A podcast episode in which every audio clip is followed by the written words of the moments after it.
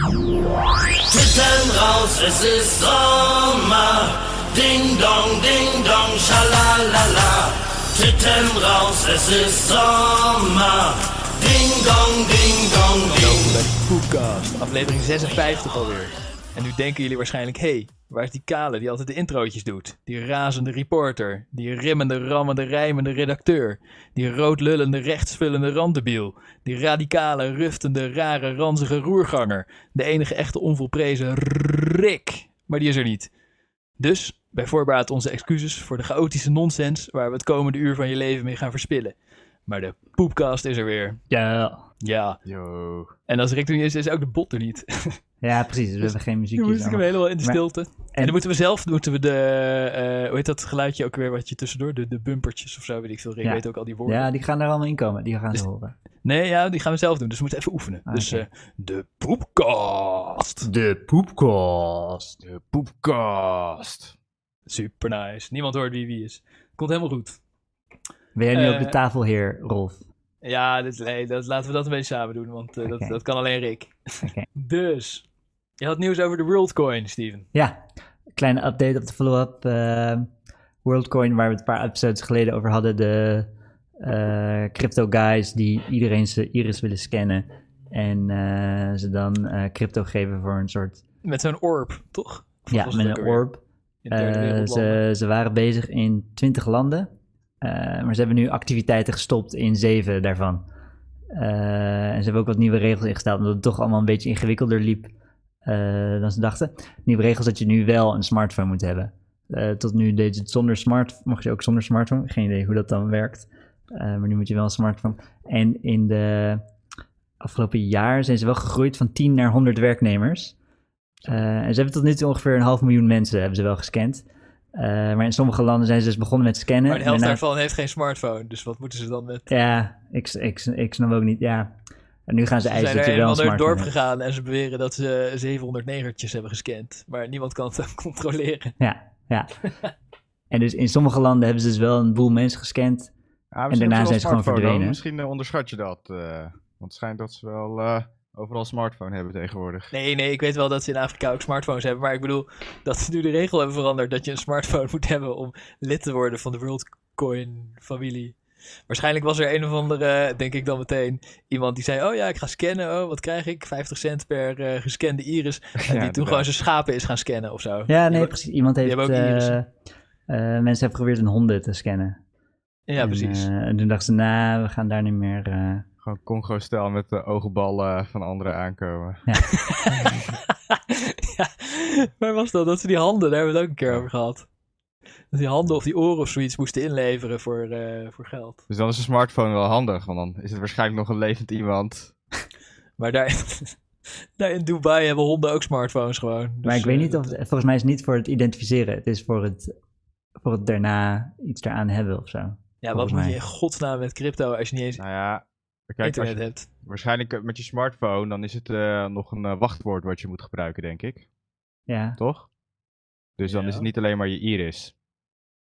Dus dat, dan is het dus zeg maar, zeg dat, maar een je, iris, dat een iris-verificatie gewoon te crap is. nou ja, een iris-verificatie, dat is, dat is iets wat je hebt. Ja. En een wachtwoord, dat is iets wat je weet. Snap je? Ja. En die twee Ja. dingen geven Oh, als twee factor. additionele, ja, geeft additionele security. Ja, maar is zo. toch ook dat ze... Ja, dat hadden ze ook wel van tevoren kunnen bedenken. Maar dat ze na Ja. een tijdje door hadden dat het geen zin heeft om crypto uit te delen aan iemand die niet eens internet heeft. ja. Dat, is, dat sowieso. dat sowieso. Dat we dat tevoren ook wel kunnen verzinnen. Hij is wel Dat is wel optimistisch over de infrastructuur die gaat ontstaan eh, daarvoor. Maar in ieder geval, ze hebben... eh, ze zeggen, want eh, er is een beetje gedoe over die... Want eh, ze bewaren de hash van je iris. Dus op zich is dat wel waardevolle informatie. Eh, ook al heb je, ze- bewaren ze die iris zelf niet, maar wel eh hash ervan. Maar eh, ze zeggen dat ze in de komende weken hun hardware gaan open sourcen. Handig voor Poetin. Ja, precies. Gewoon, en sommige mensen hebben dus geprobeerd hun honden te scannen. Dus die zijn nu ontslagen en die, in landen doen ze niet meer. En ze hebben nu ongeveer 30 orbs. Meteen En het hele land geblacklist omdat de Ja. Mongool zich aanmeldt Ja, zijn hond begon te scannen. de, en er zijn ook allemaal verhalen online van mensen die dus orb operator zijn. En die hebben dan fucking veel mensen gescand. En nu heeft WorldCoin besloten dat ze niet meer in dat land bezig gaan zijn. Dus die gasten moeten dan hebben fucking veel boze mensen achter zich aan. Shit. Met, Wat, eh, wat alleen omdat ze honden gingen scannen. Maar je kan toch zien of kan je niet zien. Is er, er is toch verschil tussen een hondenoog en een mensenoog? Ja, ja, de- Of- Dus, ja, eh, de foto LinkedIn- kan je het zien, maar niet aan de hash. Nee, nee. ja. maar dan kan je De- toch wel iets tegen. de- op, eh, LinkedIn, op LinkedIn zijn allemaal job applications voor eh, WorldCoin. Ze zochten ook een eh, Iris-expert.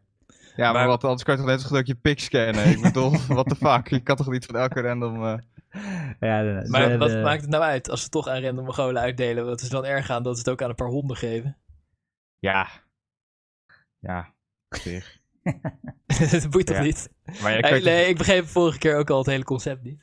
Maar kan je foto's op internet van de iris-scans vinden? Want die kan je dan ook gewoon allemaal inladen. Iets wat je gratis aan iedereen geeft is niets waard. Dus, Ja, eh, toch? Er zullen toch wel iris-scan-foto's Ja, van moet je wel Ja, ultra hoge eh, resolutie Ja, je eh, moet dan, en hij moet, ik weet niet of er ook een diepte dingetje in zit of zo. Ja, als een fucking Eh. hondenoog werkt, dan... eh, Als je in de Ja. jaren 90 arty-farty wou zijn, dan maakte je een scherpe close-up foto van je oog voor je avatar. Maar dat moet je nu juist niet meer doen. Ja, Kom op man, hondenoog, dat ziet... Dat... What the fuck? Ja, je, moet, je hebt AI nodig om het eh, te onderscheiden. Ja. AI. Maar in ieder geval, dat- en ze hebben nu de launch date weer uitgesteld naar einde van dit jaar. Maar dan is een smartphone wel handig, want de hond heeft geen smartphone inderdaad. ja, behalve in Dubai. Hebben alle honden hun eigen Ja. Instagram-account en alles.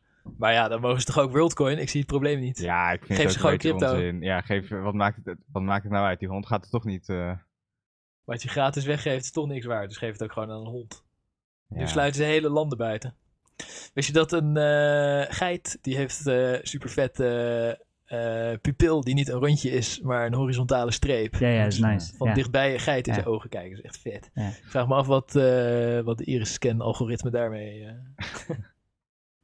of je een speciale geiten-library in je, in je, op, je, op je World Orb moet... eh, En welk land is nu geband dan? Eh, ja, zeven landen zijn... Ze waren in twintig landen bezig. wacht. Eh, 7 van de 20 zijn zeven van de twintig zijn, eh, zijn geband. Jezus, de tering. Want mensen gewoon... eh, Nou, dat vind ik wel... eh, dat is wel echt een Maar en- faal. bestaat de munt en de blockchain en zo ook al? Want vorige keer was het ook een beetje... ja, hij is Hoe nog niet gelaunched. ja, dus allemaal grote plannen. je, hij is nog niet, WorldCoin. ja, hij is nog niet gelaunched eh, dat je erin kan handelen. Dat, dat zijn ze steeds aan het uitstellen. Dus hij zou al gelaunched moeten zijn begin dit jaar, maar dat hebben ze weer uitgesteld naar de Dus er zomer. zijn ook mensen geweest die een hele dorp op het platteland van India Ja. zijn langs geweest om Ja. uit te leggen dat er digitale munten komen en dat je met een apparaat je oog moet fotograferen. Maar die, en die munt die komt gewoon niet. Is het World Mobile? Of WorldCoin? WorldCoin. Dus Hm. eh, ah ja, in Turkije zijn ze gestopt, want Turkije heeft alle crypto verboden. Dat Eh, is, Sudan eh, zijn ze gestopt, want daar was een coup in september kennelijk. Ghana, Fran- Nou eh, en? Ghana, nou Frankrijk en... ja, In Ghana, Frankrijk en Zuid-Afrika zijn ze gestopt. eh, omdat de lokale contractors er veel gingen bitchen. Ja, nou, nog... eh, blijft spannend. Ja. ja. nou, het is spannend. Het is echt zo'n ultieme bullshit hipster hoax Ghanese prins verhaal dat als je daar intrapt, als je je daar het slachtoffer van voelt, ben je ook echt een sukkel. ja, ja, zeker, zeker. echt zo'n kut verhaal.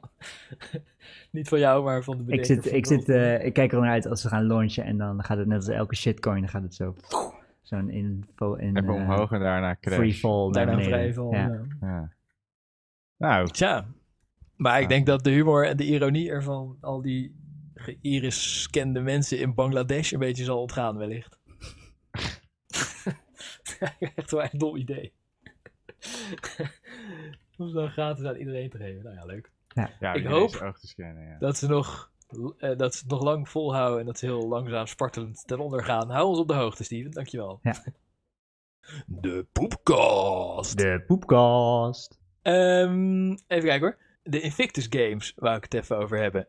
Want Mhm. eh, gemeente Den Haag, die heeft iets verzonnen om mij maximaal te trollen. Hebben ze alles waar ik een hekel aan heb gecombineerd. Want de Invictus Games, dat is eh, zeg maar eh, een groot sporttoernooi. Wat ik al volkomen kut vind.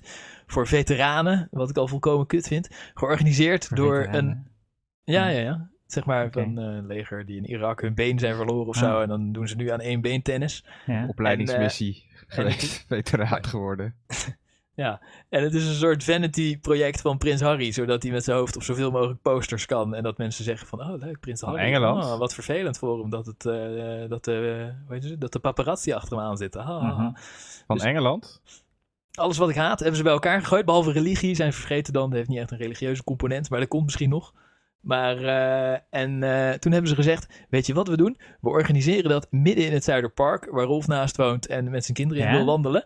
En dan doen we het Zuiderpark drie maanden lang Drie maanden? dicht. Ja, tweeënhalf, tweeënhalf. Zo. Maar gewoon de hele fucking lente doen ze het park dicht. Echt? Zetten we allemaal van die hekken dwars door het park heen. Met van die zwarte eh, plastic eroverheen gespannen. Dat het echt van die ultieme fascistische politiestaat. eh duistere science fiction. Ja. ja. Ja, maar dan, dan de glimmend zwarte variant. Ja. Dus eh, dat ziet er ook weer lekker fascistisch uit. Ja. En dan pleuren we drie maanden lang dat hele tyfuspark dicht. En we, we hekken niet een stukje af waar we de Invictus Games organiseren. Maar dan ook stukjes tussendoor, zeg maar. Het grote veld is dus, eh staan, staan zwarte glimmende hekjes omheen. Maar dan, ja, ja, ja. Van eh, twee weken geleden tot eh, half mei of zo. Maar. Prins Harry van, eh, van Engeland. Prins Harry van Engeland. Komt die ook dan? Fuck. Ja, Ja. dat neem ik aan. Ja, Eén dagje. Oh, en dit, is, Nu dit niet. zijn de uitgestelde van 2020. Ja, dat geloof ik. Ja. Maar ze zetten dat midden in het fucking Zuiderpark, waar normale mensen omheen wonen, die van hun park willen genieten, zodat allerlei Mongolen uit de hele wereld. Terwijl die Prins Harry natuurlijk allemaal paleizen heeft met gigantische tuinen waar het prima in zou kunnen. Maar dat hele Zuiderpark is de ultieme kutplek. Het is helemaal geen parkeerplaats Maar of niks. je zegt, het gaat ze- 2,5 maand dicht. Tweeënhalve maand dicht. Maar het en, hele ding is maar een week. Jawel, er is wel ja, parkeer het hele ding is maar een week. En dergelijke. Ja, nou ja, maar het lijkt me niet echt de optimale. Het is ook niet bij een snelweg. of zo. Het lijkt me niet echt de plek om een internationaal evenement te organiseren in het Zuiderpark. Nou, Ja, alleen als er Parkpop niet en veel zo. mensen op afkomen. Ja. Ja, Parkpop, dat is leuk voor de mensen die er omheen wonen. En die komen allemaal lopend. En eh hoe heet het? Dan is het park een week dicht of zo. Twee Ja. weken. Maar niet tweeënhalve fucking maand de hele lente lang. Maar ze hebben, ze, ze hebben zo nazi aangepakt. Want ze hebben dus het grote terrein hebben ze hekken omheen gezet. Maar dan hebben ze ook kleine stukjes waar je zo'n paadje omlaag hebt naar het vijvertje. Waar een veldje is met narcissen. En dan kan je naar de fonteintjes kijken. En daar hebben ze dan een klein hekje omheen gezet. Terwijl daar natuurlijk niks wordt georganiseerd of opgebouwd of zo. Maar dan zetten ze daar ook gewoon om de bankjes heen een hekje. Zodat ook Jezus. niemand daar lekker in de zon kan zitten. Het is echt zo keihard fascisme. Ah. Fucking kut, Prins Harry. En heeft de Mos hier iets van gezegd? Of, eh, Nee, ja, dat eh, had ik willen uitzoeken. eh, wat, of het nog een onderwerp is geweest bij de gemeenteraadsverkiezingen. Waar waarschijnlijk dacht Ja. iedereen dat het leuk is en woke. Ja, en, bedoel, dat mensen houden weet. van prinsen. dat staat ergens een regeltje ergens onderaan een vergunning van, oh ja, het gaat twee maanden dicht. weet je wel. Ja, fucking hell. Maar het, het is echt schandalig. Ik zal volgende week follow-up doen over welke partijen Ja, er nou eigenlijk voor en tegen waren. Het is fucking extreem. Ja. En, eh, maar, het, maar het is ook zo extreem dat het allemaal die dingen zijn waar ik een hekel aan heb, dat we er op zich wel weer om kunnen lachen. Maar, en mijn kinderen vinden het wel een spannend verhaal, want ik heb ze dus verteld dat, eh, dat een slechte prins uit een ander land is gekomen. en dat hij zijn dienaar heeft gezegd van zet allemaal hekken in het park, want Ja, dan kunnen de fuck? mensen uit Den Haag niet naar hun park. Die, die Prins Harry is toch een eh, halve outcast ook. eh, Ja. met zijn, ja, weet ik veel. Ja, hij mag hier ja. wel de hele lente lang het park dichtgooien. Met- Fucking met zijn gekleurde vriendin. eh, dat kan toch, kon toch niet? Ja, misschien heeft hij die zwarte hekken aan haar gededicate, maar... eh Laat hem lekker met zijn gekleurde vriendin... Wat hel, hij woont eh, in Amerika. zijn kutfeest Ja, hij woont toch in Amerika? What the fuck? Ja. En er zijn ook genoeg veteranen. Maar wat, wat is de Invic- Invictus Games? Invictus, Invictus. ja, het is een soort nep-Olympische Spelen, zeg Ah. maar, voor, voor veteranen met één Oh, maar over de hele wereld dan? Ja. Ja, ja, ja. Oh, oké. Het is een soort Olympische Spelen, een soort Paralympics. Maar Ja, dan een voor soort. Paralympics, maar dan alleen voor ex-militairen. Maar ja, organiseer dat gewoon Maar- in Qatar of in een of andere kut-dictatuur die er miljoenen voor Ah. betaald En is om te komen. Waarom midden in Den Haag? Is het alleen westerse ex-militairen? Of mag je als Taliban er ook eh, aan meedoen? Ik neem aan van niet. Ah, oké, eh, maar als, het, een- als, als de Die hele dus wereld... Mogen Russen, zijn Russen, Russische... Als het een soort eh, Olympische Spelen voor veteranen is, dan uh, dat, uh, verandert het uh, wel een beetje. Wat, Wat verandert er dan? dat? Nou ja, uh, ze hebben gevochten voor hun land, toch een stukje benen, arm kwijtgeraakt. Nou ja, Ja. dan een paar maanden die uh, Ja, ik ben ook niet tegen dat ze sporten tegen elkaar, maar eh, doe dat lekker. Een paar maanden doe, pleziertje. doe dat lekker in de kankertuin van Kanker, Prins Harry. ik zal In de achtertuin van Rolf. Van welke legers... Ja, en waarom in mijn achtertuin? Vind ik Fuck off. ja, het is, het is een beetje, ja, het is een beetje kut. eh. maar ja, het zou net zoiets zijn als er een, eh, zeg maar Olympische Spelen of zo. Ja, dat is natuurlijk veel groter, maar En hebben ze ook van die complexe moet je- je regels? moet het ergens hoe, organiseren. eh, wat? hoe gehandicapt je bent, dat je daar extra punten voor krijgt. Ik denk het wel, daar heb ik me Ja. niet in verdiept. Dat is wel gewoon die, eh, Paralympics zijn, weet je wel, met eh, rolstoel, basketbal. ook wel- ik kan me wel en, voorstellen dat het gewoon eerlijker is. Want je kan gewoon alle mensen met één been kan je bij elkaar gooien. Alle mensen met... eh, eh, heb je de Paralympics nooit gekeken? Nee, maar daar heb je ook eh, mensen met aangeboren eh, afwijkingen. Ja, en mensen zelfs beetje- die gezond zijn. Die gaan ja, en die zijn, die zijn moeilijker in te delen. Maar die veteranen, die, die kan je een soort Veteranen van... zijn toch ook niet allemaal even gewond? Nee. Nee, maar het het is wel een soort gradatie. Het is makkelijker te, in, in hokjes te zetten dan, eh, eh, dan de, de, de Paralympics, denk ik. Misschien. Of is Ja. het ook voor mensen met eh, PTSD? Is dat ook Die- genoeg? Ik denk Nee, dat die moeten het, naar de Special Olympics.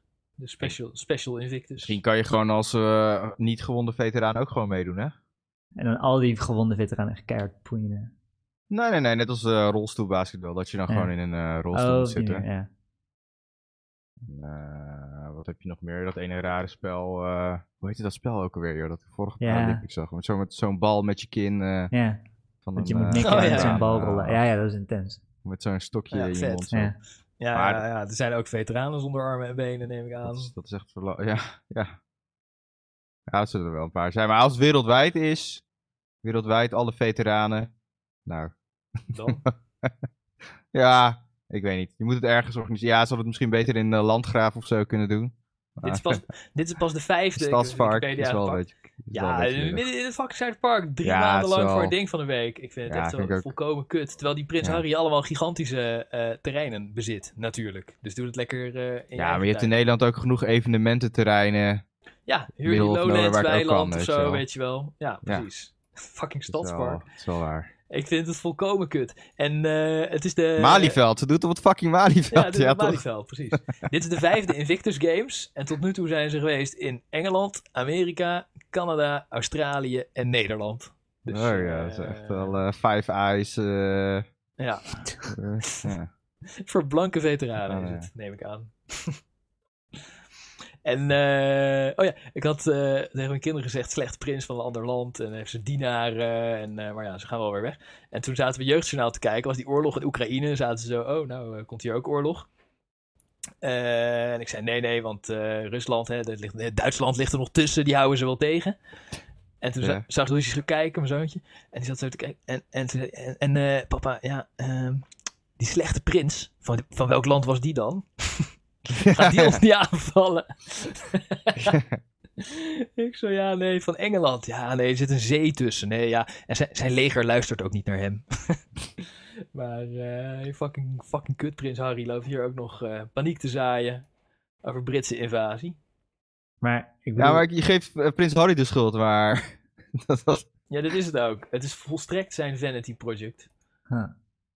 Ja, goed, maar hij... Bedacht en bedoel, begonnen door Prins Harry, ik- zodat hij zoveel mogelijk op tv kan komen met zijn met zijn ginger Ik denk niet dat hij de locatie uit heeft gekozen. Hmm. Ik denk dat het gewoon fucking geweten Den Haag is. Die heeft gezegd van, oh ja, kom hier. eh, mooi Ja, dat plaatje. denk ik ook wel. ja. dus eh, Ja, dus gemeente Den Haag krijgt inderdaad, de bos. Dat is het gewoon. eh, Ja, die is fuck, weg. Maar ja, ik weet, nee, ja, nee, hij is helemaal niet weg. Hij heeft toch gewonnen?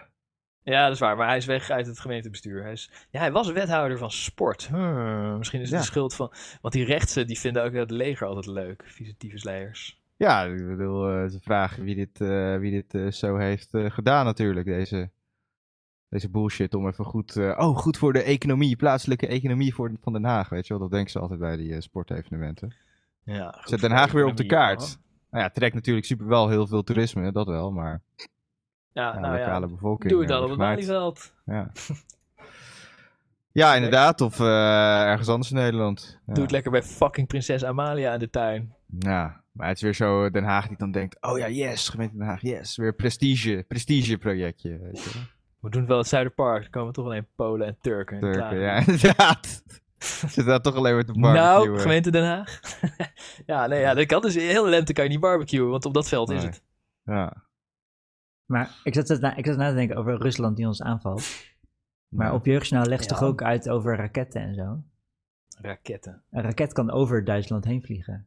Ik kijk er niet dagelijks naar, maar Ze gaan niet in op het scenario van een raket die over Duitsland heen vliegt om Nederland te bombarderen. Nee, nee, nee maar ze zeggen wel, ze zeggen wel van eh, Rusland is stout geweest en die heeft een bom gegooid op een eh, ziekenhuis of zo. Ja, Ja, Dus er wordt, het concept van raketten wordt er wel, kom je wel keiharde tegen. propaganda aan het Kom je wel tegen, kom je tegen en dan denk ik 1 1 is 2. Raketten kunnen over Duitsland heen vliegen. Ja, Gewoon, ja. Dus dan denk ik, nou, er is Maar meer de, nodig dan alleen dat de Duitsland raket die je over Duitsland heen kan schieten om het Westeinde op te blazen, die, eh, die, die gebruiken ze nu niet. Die zijn veel te duur. Het heeft geen zin om je eigen Ja, buurland ja, eh, te Nee, ik, ik, zit, ik probeer me gewoon in te leven in, eh, in het kinderbrein. goed. In het kinderbrein. Want, Ja? ik denk, want raketten Ja. kunnen vliegen. Die kunnen gewoon over een land heen vliegen. Dus dan maakt niet uit dat er een land tussen zit. Ja. ja. Nou ja, ja. Nee, ja, ik Dus- kijk er nu ook wel expres niet dus, dagelijks naar. dus, dus, dus, Steven? Nee, ik, ik, probeer, ik, probeer, ik probeer me in te leven in het kinderbrein dat dan denkt... Oh ja, er zit wel een land tussen. Maar eh, Ja. ja. raket maakt niet uit dat er een land tussen Nou, het Ja. jeugdjournaal zei niet Duitsland ligt ertussen, dat zei ik. Ja, ja, dat Toen, toen ze me Dat vroegen, komt de oorlog ook Jouw weer? volwassene brein maakt even een simulatie, eh waarheidsgetrouwe simulatie. Ik denk zo terug naar mijn kinderbrein. Weet je, want Ja. als kinderbrein dan ga je nadenken over dingen. Bijvoorbeeld, vroeger was ik ook bang voor de stroming of zo. Stroming van water. Dacht ik, Oh, ja. wow, dat, dat had iemand gezegd, stroming supersterk. Dus dan, Oh, ja. vanaf dat moment een soort stroming is een soort van eh, Oh ja. eh, de meest evil ding in de hele wereld. ja. Nou, Ja. dat is wel goed om daar bang te zijn. Ja, voor te zijn. Dat is in Den Haag een stuk gevaarlijker Precies. dan Rusland. Ja. De stroming. Er gaan veel meer mensen van dood. maar ik weet niet of elke kinderbrein eh, dat eh, bedenkt. Nee, oké, oké, oké. Nee, Ja, oké. maar ja, als je elke dag het jeugdjournaal gaat zitten kijken welke, eh, welke burgerdoelen ze nou weer hebben opgeblazen, dan... eh, Ja, jeugdjournaal is ook is gewoon kut geworden dat ze alleen maar over Ja? Rusland hebben. Ja, ja, echt niet normaal. ja, gewoon, oh, ja, eh, dat weet ik eigenlijk niet. Ik kijk er niet elke dag naar. Die Ja. proberen toch ook nog dan wel weer andere dingen. Ja, ja, ja. En, en dat er geitjes Ja, waarschijnlijk beginnen ze met eh, Rusland. En daarna inderdaad hoe kinderen het in eh, Oekraïne doen en zo. Dat ze dan ook altijd. Hoe kinderen daar de oorlog ervaren. Ja. En dan gaat het weer over honden en cavia's. Oh, nou, jullie kijken er vaker naar dan ik, hoor ik. Nee, nee. Dit eh, Ja. is een beetje... Er zat ook, eh, zat ook een kinderpsycholoog die, eh, wat moet je doen als je bang bent voor oorlog? Oh ja. Ja, maar die, precies. die kinderpsycholoog, die vond ik angstaanjagend. Ik dacht, die, die gaf me allemaal redenen om bang te zijn. Ja, precies. Ja, nee, ik weet het niet. eh, nee. Ja, die snowflake bullshit er. Er gelijk Ja, kinderpsycholoog. ja, ja, bij. nee, het was, het was eh, ja, ja. Die kinderpsycholoog was duidelijk zelf een beetje in paniek. En wat moest je doen als je bang was voor oorlog? Ja, Misschien is het voor nee, volwassenen ook eh, handig. Of voor alle kinderen onder onze eh, luisteraars. Eh, je moest erover praten.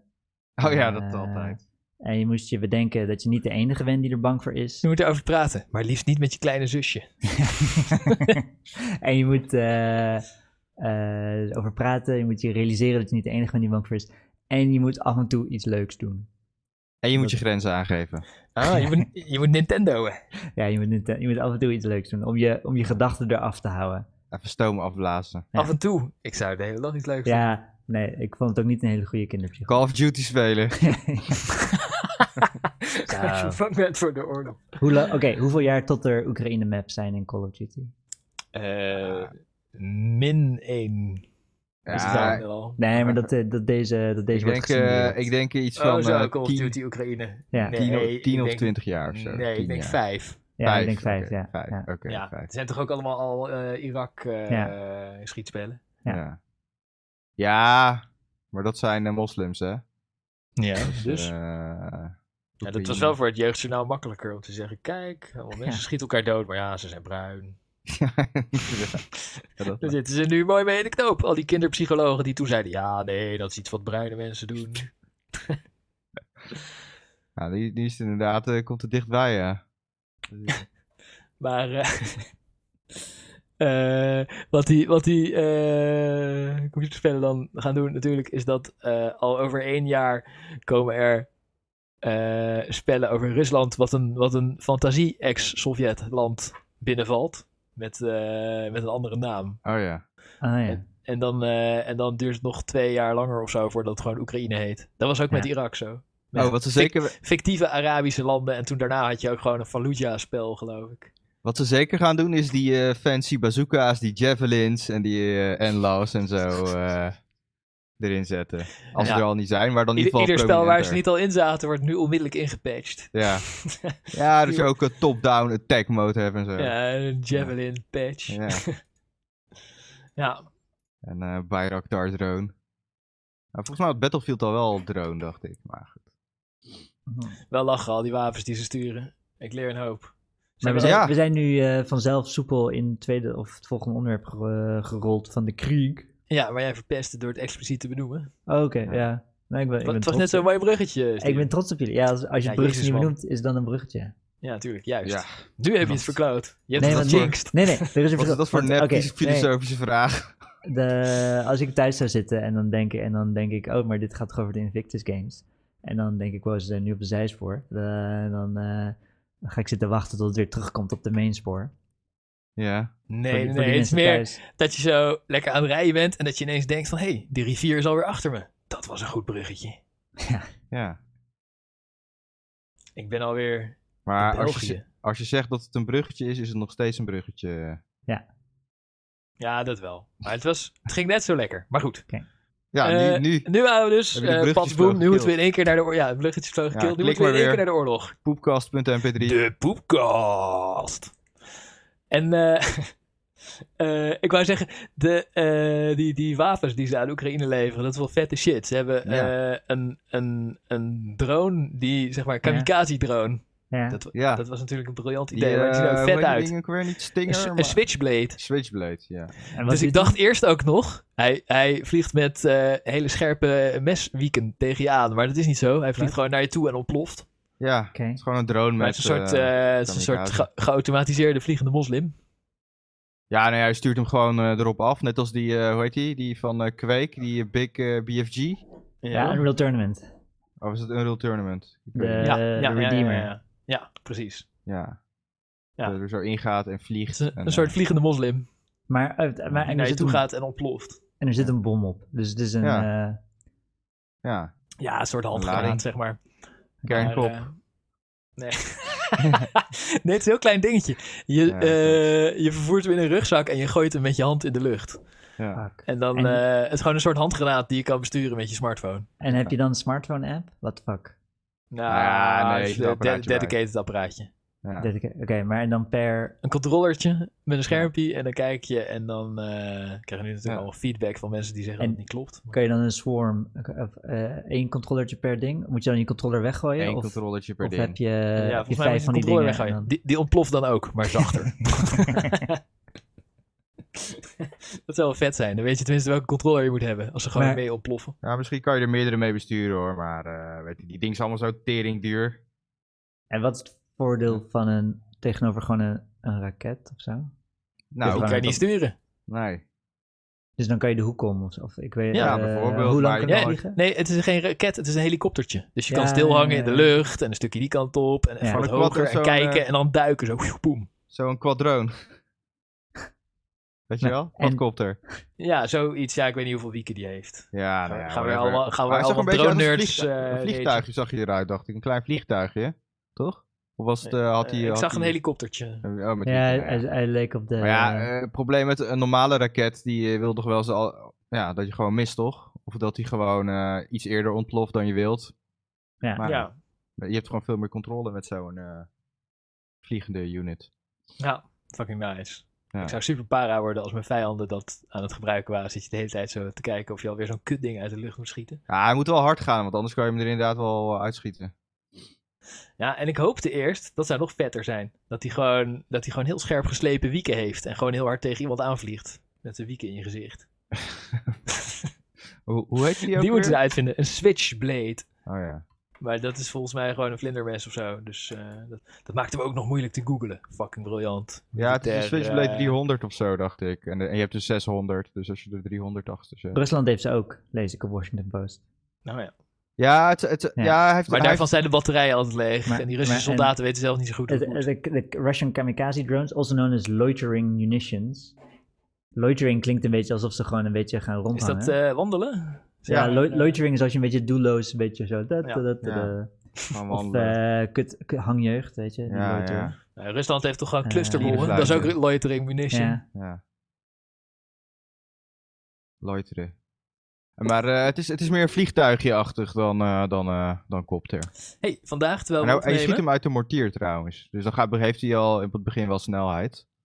Want anders is hij veel te langzaam en kunnen Ja, mensen ja, hem gewoon misschien haal ik dingen door de war. Ik zag een gast die hem uit zijn rugzak haalde en zo met zijn hand omhoog gooide. En dat dat ding Ah. wegvloog. Ik vond het super vet dat dat dan. eh, Ja, die van is. vluchtuigjes zijn misschien niet, ik weet niet. Ja. Ja, anders gaat hij gewoon Hij te schiet hij traag. ook kicken. Ja. Nou ja, als je een stukje verderop zit, ja, weet ik veel. Maar eh, het is vandaag, eh, is volgens mij een maand bezig. Maar eh, Ja. we, we sturen Ja. ze, we, het Westen stuurt ze in ieder geval genoeg wapens om het lekker vol te houden. Ja, ja, ja, ja, ja, ja, ja. Ja, nou ja, ik weet niet, ze gaan wel... Ja, ik dacht, ja, die- weet je, die Russen doen het gewoon heel fucking slecht. Dat, dat is het ja, meer, ja. Heb ik Zeker, het eh, ja. gevoel. Want eh, ze hebben nog steeds geen, geen air super- superiority, terwijl ze veel meer vliegtuigen dan Oekraïne hebben. Ik snap niet dat dat ze gewoon eh, niet lukt. Want Ja. die- Oekraïne heeft er iets van in de honderd of zo, en Rusland heeft er duizenden. En dan, Ja, maar ja, Oekraïne heeft luchtafweer geschud. Als Ja, dat wel. Russen kunnen ook niet overal rondvliegen. Ja, maar ja, goed. Ik weet niet, als ik zag hoe die Amerikanen over Bagdad heen rolden, dacht ik... Ja, Zou, maar eh, daar waren de getalsverhoudingen nog weer wat anders volgens mij. Van ja, dat, dat, ja, het is- ja, Amerika ging gewoon voluit, maar eh Bagdad had nog een best groot, eh, groot leger hoor. Ze waren volgens mij toen nummer 7 of zo. Ja, Dat zegt dat op zich ook niet zo heel veel, maar eh, het was geen, Nee. eh, niet helemaal mini. Ja, ik weet niet. Tegen Amerika heeft niet zoveel zin in ieder geval. Maar het, het is altijd al een meme geweest, toch? Dat eh Russische leger kut is, logistiek is kut. Weet je, al 70 jaar is dat soort van eh, kennis die je over Rusland hebt. Dat ja, ze, gewoon, ze hebben gewoon eh, hun Russische doctrine, zeg maar. Dat is gewoon, gewoon zoveel mogelijk mensen, gewoon soldaten zijn er gewoon eigenlijk vlees. Je hebt Die het is een fake quote van. Stalin of zo, ik weet niet. Van quantity, not quality. Ja, inderdaad, dat maar is het is het. een fake het is niet, het is niet echt gezegd. En, maar, eh, ge- en gewoon eh shellen en heel Ja. veel tanks. ja. En die tanks, dat is, eh, dat is, daar zijn ze nu denk ik wel achter dat dat in ieder geval eh, zonder, eh, zonder eh, support eh, niet helemaal meer de... Ja, Het is niet meer de meta. Die tanks zuipen heel veel benzine. En ze hebben ook wegen nodig, toch wel, blijkt. ja. Ja, en met Maar al wij- die fucking dus- javelins en weet ik, switchblades en what the fuck, dan eh, ja, heb je niet Ja. zoveel meer aan een eh, tank. Er, er is ook het deel van mij dat denkt, want wij, wij geilen een beetje op goede logistiek. En misschien is dat gewoon eigenlijk niet super relevant. Als je gewoon door blijft duwen. Dus wij, je. Gast. wij houden van een geoliede machine die eh, slim in elkaar Gast, zit. het leger is logistiek, En, hè? eh, Ja, ja, het is een en al logistiek. En die Amerikanen zijn natuurlijk logistiek masters. En de Ja. Russen hebben iets andere eh, tactiek. Of het overkomt ze een beetje, ik weet niet. Ja, ik, nou ja, ik- ja, ik, ik weet, het is gewoon heel, eh, het is gewoon bijzonder slecht. Ik, ja, weet je, het heeft ook mee te maken dat eh, Rusland natuurlijk gewoon ook veel corrupter is dan, eh, dan Amerika. Ja, ja. Amerika is ook wel corrupt, maar toch nog iets wel iets meer een meritocratie. Ja. En ja, volgens mij is het gewoon zo doorgecorrumpeerd dat het gewoon helemaal trash is geworden. Gewoon allemaal goede presentaties en plaatjes voor Poetin. Maar het klopt gewoon niet Ja, met de natuurlijk. Ze zijn op werkelijkheid. allerlei niveaus corrupt. Dus ze zeggen Ja. ook van, ja, we hebben zoveel kogels gekocht. Terwijl het gewoon niet waar is. Nee, en ook ja, en eh, het per- personeel wat ze promoveren, dat doorpromoveren, dat zijn natuurlijk ook allemaal vriendjes eh, van elkaar. Ja, Je hebt, eh, volgens mij is het wel waar van de logistiek dat dat super belangrijk is. Je hebt ook. Ja, eh. Ja, ja, zeker. Amerika Eh, heb je eh, allemaal zeker, van die eh militair eh, diepzinnige wijsheden, van die spreekwoorden. Ik zie dat ene Omar Bradley, moeilijk beroemde fuel en logistics. Tweede Wereldoorlog generaal. Ja. Nou, die, die zei er letterlijk over. eh, amateurs talk strategy, professionals talk logistics. Ja, Ja, ja. Ja. Stra- strategie is voor amateurs. Maar, maar de, de, de keerzijde daarvan is bijvoorbeeld in Amerika, eh, Ja. waar het ook één grote shitshow was. ja. Eh, ik denk dat mensen een soort van, oh maar we hebben de logistiek goed op orde, hadden ze allemaal metrics die ze konden afrekenen van, eh, ja we hebben allemaal fuel, supply lines, en we hebben het allemaal goed geregeld en de munitie, en we hebben waterdragers, en ze hadden allemaal, weet je, dat is een mooie checklist dat ze helemaal bijhielden, terwijl eigenlijk is het gewoon één grote shitshow en eh is Amerika? super Nee, kut. toch? Maar Nee, gewoon Amerika is die hele oorlog was een één groot, groot kut. eh, oh, je bedoelt Rusland? Nee, Amerika heb ik het nu over. Maar welke Dus zeg oorlog maar? In een soort van, ja, Irak in eh Ladida. Nee, Nee, toch? die invasie Irak was gewoon goed goed. gedaan. Ja, ja, nee, in in a way was hij goed. Ja. En in a way is het gewoon het grootste drama ooit. Ja, nee, ze Eh, zijn niet goed in eh, bezetting. Ja, ja, precies. Maar Ja, die invasies ze, die zijn ja, ja, super ja, professioneel. ja, ja. Gewoon. Die was Nou, ze zijn weken. ook wel goed in bezetten. hè. Ze Die zijn alleen niet weken genoeg in de... Maar het punt wat ik maak, is Ja. dat ze zeg maar... eh, Godverdomme, je mag je punt niet maken. Ja. Ja. eh, dat ze de bigger picture kwijtraken. En dat ze dan, weet je, inzoomen op hun metrics van hun supply lines en hun logistiek, waar ze echt op geilen. En dan denken ze, oh, het gaat best goed. Terwijl eigenlijk zijn ze met de grootste bagger ooit bezig. Eh, Wat? Dus dat is ook een, eh, een valkuil voor eh, oorlog voeren. Wat, Steven, dit is echt... En dat is voor ons in theorie. Ja, Het is een mooie theorie. Wat, Wat volgens mij misgaat met die Amerikaanse oorlogen is dat ze zeg maar denken van, oh ja, die mensen zullen wel super blij zijn dat we komen en eh, we gaan hun hearts en minds winnen door Mhm. repen chocola uit te delen of zo. Mhm. En dat al die mensen dan denken van, Amerika, tief op. Mhm.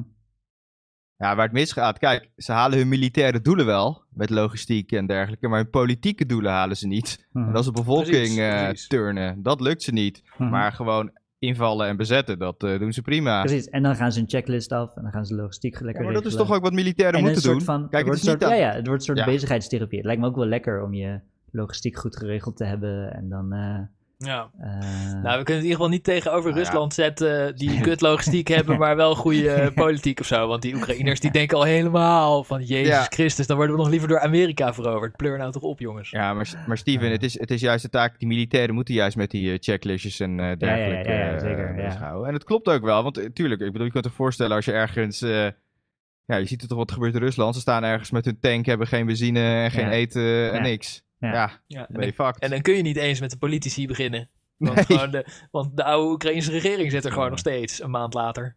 Dus ja, dus ja, ik snap wel dat, eh, dat ze zeggen dat eh, logistics, eh, alles is... Amateurs hebben het over strategie. Vroeger kon je gewoon, eh, een paar mannetjes eh, hadden ze een zwaard en dan eh, konden ze gewoon wat boeren plunderen en gewoon, eh kon je gewoon door blijven gaan. Maar ja, ja. tegenwoordig heb je echt benzine en Ja. eh, wat Ja, die, eh, alles. die 80-jarige Wapens, oorlog. kogels. Ja, De- toen had je ook wat Rusland nu doet, dat je gewoon zo'n stad omsingelt en een beetje Ja. wacht tot ze doodgaan van de honger. En eh, ja, toen Ja. kon je, nog, toen kon je nog stroom uit laten vallen, want er was helemaal geen stroom. Maar gewoon een stad belegeren en dan Ja. een halfjaartje blijven zitten en kijken wie het eerder zat is. Die mensen in die stad die geen supply lines meer hebben. Of die mensen die er omheen in een 17e eeuws tentje moeten slapen een half jaar lang. Ja, En dan eh, inderdaad een beetje gewoon... Eh, over de buurt. Het is letterlijk... en dan buiten een beetje geiten doodmaken. En eh, eerst eh, drie Ja. weken laten liggen tot die helemaal rot. En dan met een katapult over de muur heen gooien. Ja. Kijken wat er gebeurt. Dat, dat is nu de strategie van Rusland ook zo'n beetje geworden. chemisch wapen is dat. ah nee, dat klopt. eh, dat is inderdaad eh, eh, wat ze doen. En eh, ja, ze deporteren ook eh, nasty, die, eh, die mensen. En eh, schieten ook gewoon burgers, ja. ja. Maar dat is ook super dom van die Russen. Dat ze dan, eh, zeg maar, mensen zeggen van... Oh ja, nee, kom via Rusland evacueren. En dat ze ze dan in een kamp stoppen. Dat is Ja. fucking dom. Want dat horen ze ook weer in Oekraïne. En dat snap ik dus niet waarom ze dat, wa- waarom ze dat soort dingen doen. Dat horen ze ook in? Oekraïne. En dan denken ze, oh holy shit, wij willen echt niet eh, door Rusland gevangen genomen worden. Ja, maar dan We moet, vechten eh, ons wel dood. Ja, maar die familie, die wil dan eh, hun, eh, Ja. Hun, hun zus of broer of whatever the fuck eh, terugkrijgen. En die moeten dan gaan onderhandelen met de Russen, zeg maar. eh. ja, of ze doen om met Het is gewoon de fucking te eh, onderhandelen, toch? gijzelen. Dus, Het is gewoon gijzelen. Ja. Ja, nou wat ze Ja. volgens mij hopen... is dat als ze dan eh, daar in Rusland mensen gaan zitten martelen... die eh, eh, anti-Russische teksten hebben verspreid... en journalisten en zo... dat Ja. dan de mensen die nog over zijn in Oekraïne denken van... oh nou, ik ga maar geen anti-Russische dingen Ja, ja. zeggen. Ja, het is gijzelen en terrorisme. Maar Ja. volgens, mij, volgens mij is dat een extreem slechte strategie... en wordt iedereen in Oekraïne alleen maar anti-Russischer ervan. Het, eh, dat werkt niet. Ja, als het alleen maar Mariupol was geweest, eh, zou het helpen. Maar eh, nou, ik, ik denk dat het op de lange termijn, ja, helpt het natuurlijk wel. Maar eh, het is gewoon een. Volgens mij geeft het die verdedigers van Oekraïne echt wel een moraal boost. Ze hebben dit in Tsjetsjenië ook gedaan, hè? Hebben ze deze psych hebben ze ook heel veel Tsjetsjenen ontvoerd en in kampen gezet. Filtratiekampen. Hmm. Ja, Is dat, dus het, wat, ja. dat, dat woord, ja, dat zag ik. ja. Dat zag ik ook, een ja. ander woord voor concentratiekamp. Ja. Maar eh, Ja. Filtratie. ja, Klinkt wel vriendelijker. ja. Ik begrijp allebei de metaforen niet. Het- Concentratie is gewoon dat je mensen dicht bij elkaar zet. Of zo. Zou ik Dus, eens kijken- dus dan is het geen metafoor. Maar, eh, Filtratie. maar wat is de filtratie hier? Ja, dat, eh dat Of, weet ik of niet is echt. het concentratiekamp niet volgens dat je ze is dicht bij elkaar zet? Volgens mij is het gewoon een ander woord voor eh, concentratiekamp. Maar, eh, filtratie. Waar je er mensen tussenuit probeert te filteren die je haat en de rest weer vrijlaat of zo. Ja, dat zou, dat zou het dan misschien moeten zijn, maar eh, Want iedereen gaat door het filter. Concentratiekamp, ja, nee, ja, ik, ik- ik- het is eigenlijk gek. We zitten altijd over nazi-dingen na te denken. En nu pas denk ik na over waarom een concentratiekamp. Hmm. Maar het is gewoon Ja, dat je mensen uit een, breid, uit, een, uit een wijd gebied bij elkaar Ja, zet. Concentratiekamp is wel duidelijk. Maar filtratiekamp is gewoon een eh, bullshit. Ja, dat je inderdaad mensen zou filteren, inderdaad, die dan misschien tegen je zou zijn. Ik weet het niet, maar eh, je, je concentreert ze nog steeds. Dus Hm. ja. Je zet ze nog steeds in barakken en, en, en martelt ze en shit. Dus ja. Dus, eh, Ik zag ook wel een grappige eh, programma, documentaire, ik weet niet wat het was, waarin ze over eh, dat Russia Today, de, de, zeg maar de, Ja. de Engelstalige propagandazender van Rusland, waar allemaal Engelse en Amerikaanse journalisten voor werken die geen, eh, eh, die geen baan konden vinden bij pro-westers dingen. En dan krijgen ze veel geld van Rusland geboden om daar een beetje de boel aan elkaar te praten. En eh ging ze allemaal mensen interviewen die daar hadden gewerkt. En die uiteindelijk gewetensbezwaard waren vertrokken. Was wel spectaculair. Hm. Dat ze daar zeg maar ja, allemaal pro-Russische verhalen moeten maken. Maar die, die waren dus al vertrokken voor deze oorlog, had ik het idee. Maar... en dan moesten ze, moesten, moesten ze verslag doen. En als het over iets ging waar Rusland niet echt bij betrokken was, Arabische lente of zo, dan hadden ze ook eh, journalistieke vrijheid.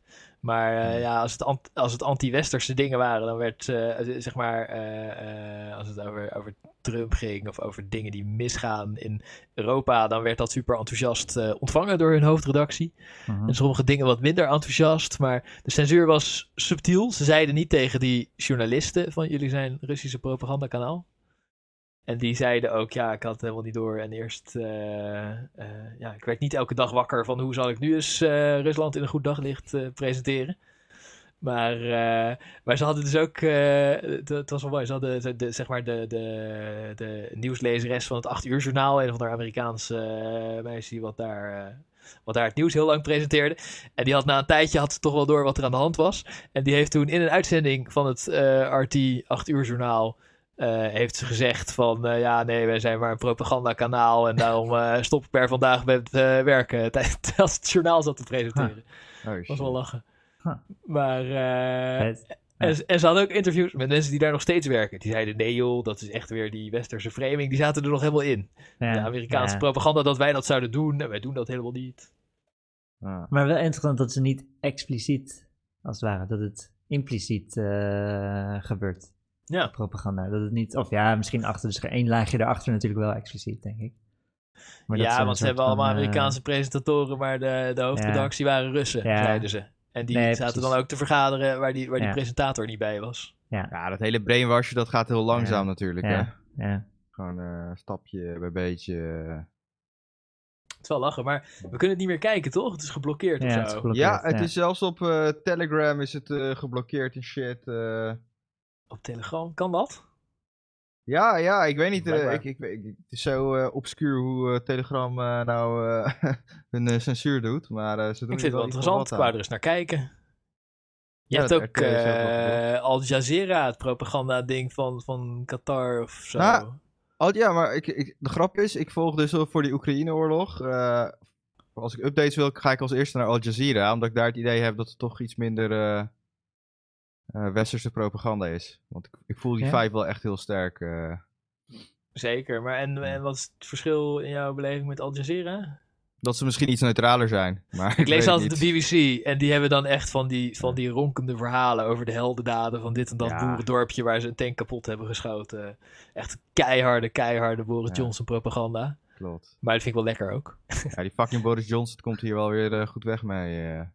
Eh. En de, weet het, eh, eh, ja, ze, ze factchecken wel eh hun Ja, klopt. verhalen. Er staat geen onzin bij de BBC. Dus eh Nee, die durf ik ook nog wel. eh daar kijk ook nog wel naar. Maar, Dus dat is eh, wel oké, maar het is wel vrij duidelijk dat ze, dat ze onwijs... eh, eh, de- ik denk dat bij de BBC ook niet expliciet is. Dat ze Nee. niet zeggen Ja. van eh, schrijf, Ja, schrijf pro-westerse verhalen, maar dat die mensen gewoon leuk vinden om, eh, Nou, het gaat nu over de heldhaftige verzetsdaden van dit en dat boerenkutdorp. Ja, goed, weet je, ik bedoel, 90% eh, van de westerse wereld staat, staat ook gewoon achter Oekraïne. Dus ja, op zich. eh, Ja, Niet zo gek nou ja. dat het dan een beetje Het- gekleurd wordt. Ja, nee, ja, het is ook wel een evil dictatuur tegen een, tegen een mm, vrijer land. Tegen een minder slecht land. Dat Klopt. is gewoon duidelijk. Ja. Dus, dus ik vind het ook niet erg om eh, voor, voor Oekraïne te zijn. Nee, het is ook een beetje David Goliath. en zelfs onze nieuwsmedia mag dat best doen. Ja, vind ik ook hoor. Ik bedoel, zolang ze kan die, eh, die Rush Today chick, die Marina Ovsjanikova. Die met, eh, die achter, die zo eh, no Ja. war, uh, bladibla. Klopt, Ja, Die is weer vrijgelaten.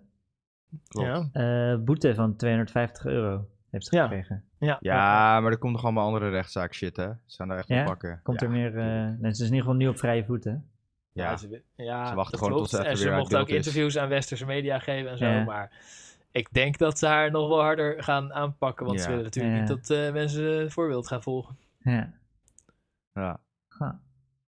Dus, eh, Ik zag ook dat eh, Navalny, dat die, eh, die, die, had, die, was, die is halverwege zijn eh, drie jaar gevangenisstraf of zo. Ja. Maar nu is hij, eh, want hij, hij was eh, vergiftigd door Rusland. Terwijl hij eh, voorwaardelijk was vrijgelaten van iets anders. En hij moest zich om de zoveel tijd bij de politie melden voor zijn Ja. voorwaardelijke eh, vrijstelling. En omdat hij in coma lag, omdat Rusland hem zelf had vergiftigd, had hij zich niet gemeld. En daarvoor is hij veroordeeld tot drie jaar gevangenisstraf. En nu is hij halverwege.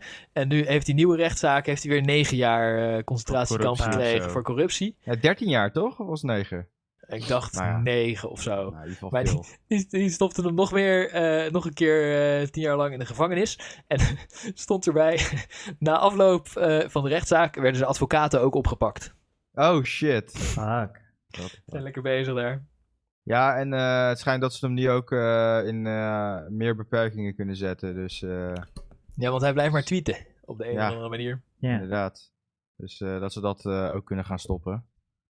Ja, ik vind dat, ik vind dat eh, een beetje raar, dat eh, Rusland. Want inderdaad, eh, ze hebben dan wel een soort van rechtssysteem of zo. Maar ze pakken je toch wel altijd. Dat- Ja, dat is toch in alle dictaturen dat ze wel een nee, soort nee, rechtssysteem nee. hebben. Maar in China bijvoorbeeld, als je zoiets doet als een journalist, ben je gewoon gelijk weg. Weet je wel? Dan is het, down, ja, eh, ja. ben je vermist. Ja. En dan komt er na drie weken hè, komt er een tv-beeld. Ja, alles is goed hoor, weet je wel. In China gaat het echt gewoon Ja. direct, Ja. Direct naar het kamp. Maar Ja. Rusland is er een Ja, soort volgens mij is dat in Rusland wel het beleid, tactiek. maar hebben ze hun logistiek gewoon niet op orde. Nee, volgens mij Nee, het is ze gewoon een andere tactiek. Het is een soort van... eh, ergens is het zachter, andere manier is het harder of zo. Het is Nee, het heeft- Nee, volgens mij heeft het ermee te maken dat ze dat eh Europe... Ja, ze zijn nu uitgestapt, maar ze hebben die Ja. Europese rechten van de mens eh, hebben ze officieel ondertekend. En volgens Ja. mij moeten ze dan officieel nog wel volgens hun wet dat proces soort van volgen.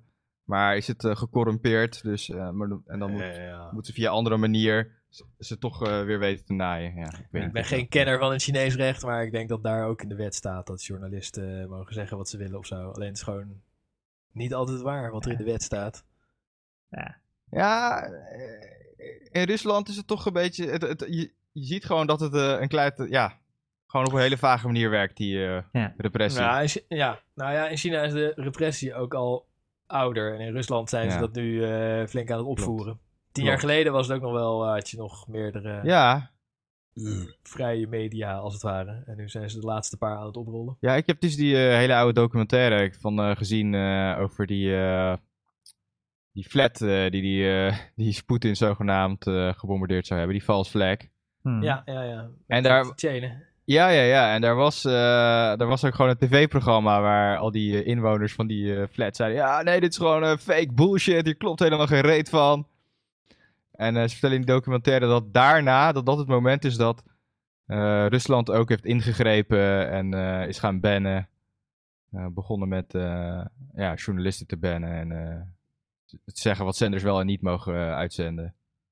Dus Ja. wel grappig. Ja, je Ja. had ook die, zeg maar, die, die oligarchen uit de Yeltsin-tijd, die die tv-zenders runden. Ja, En eh de Poetin, eh, wat was ook weer die eerste, die, die Berezovsky, geloof ik. oh, ja. Die hem, die hem een beetje eh, terug had genaaid. En een kritisch, die hem eerst aan de macht had geholpen, maar toen een kritische reportage uitgezonden. En dat hij hem gewoon keihard eh, ja, in de gevangenis liet pleuren. En die andere, Godorkovsky, ja, die namen van die gasten, die lijken ook zo op elkaar dat het, eh, ja. Dat het onmogelijk is om te onthouden. Maar toen had hij even de paar grootste eh, oligarchen eh, stevig aangepakt, zodat de rest hem wel zou houden. En eh, Ja, Kasparov zuikt hem ook de hele tijd af, maar die zit denk je voor in- inmiddels in Amerika. Ja, lang. Ja. Fucking ja, en hij heeft al zijn, hij heeft- Poetin heeft al zijn, weet je het, zijn minister van Defensie is al een tijdje, al een tijdje niet meer in beeld ja, geweest. ja. en eh, wat FSB-gasten zitten ziek thuis, FSB-generaals.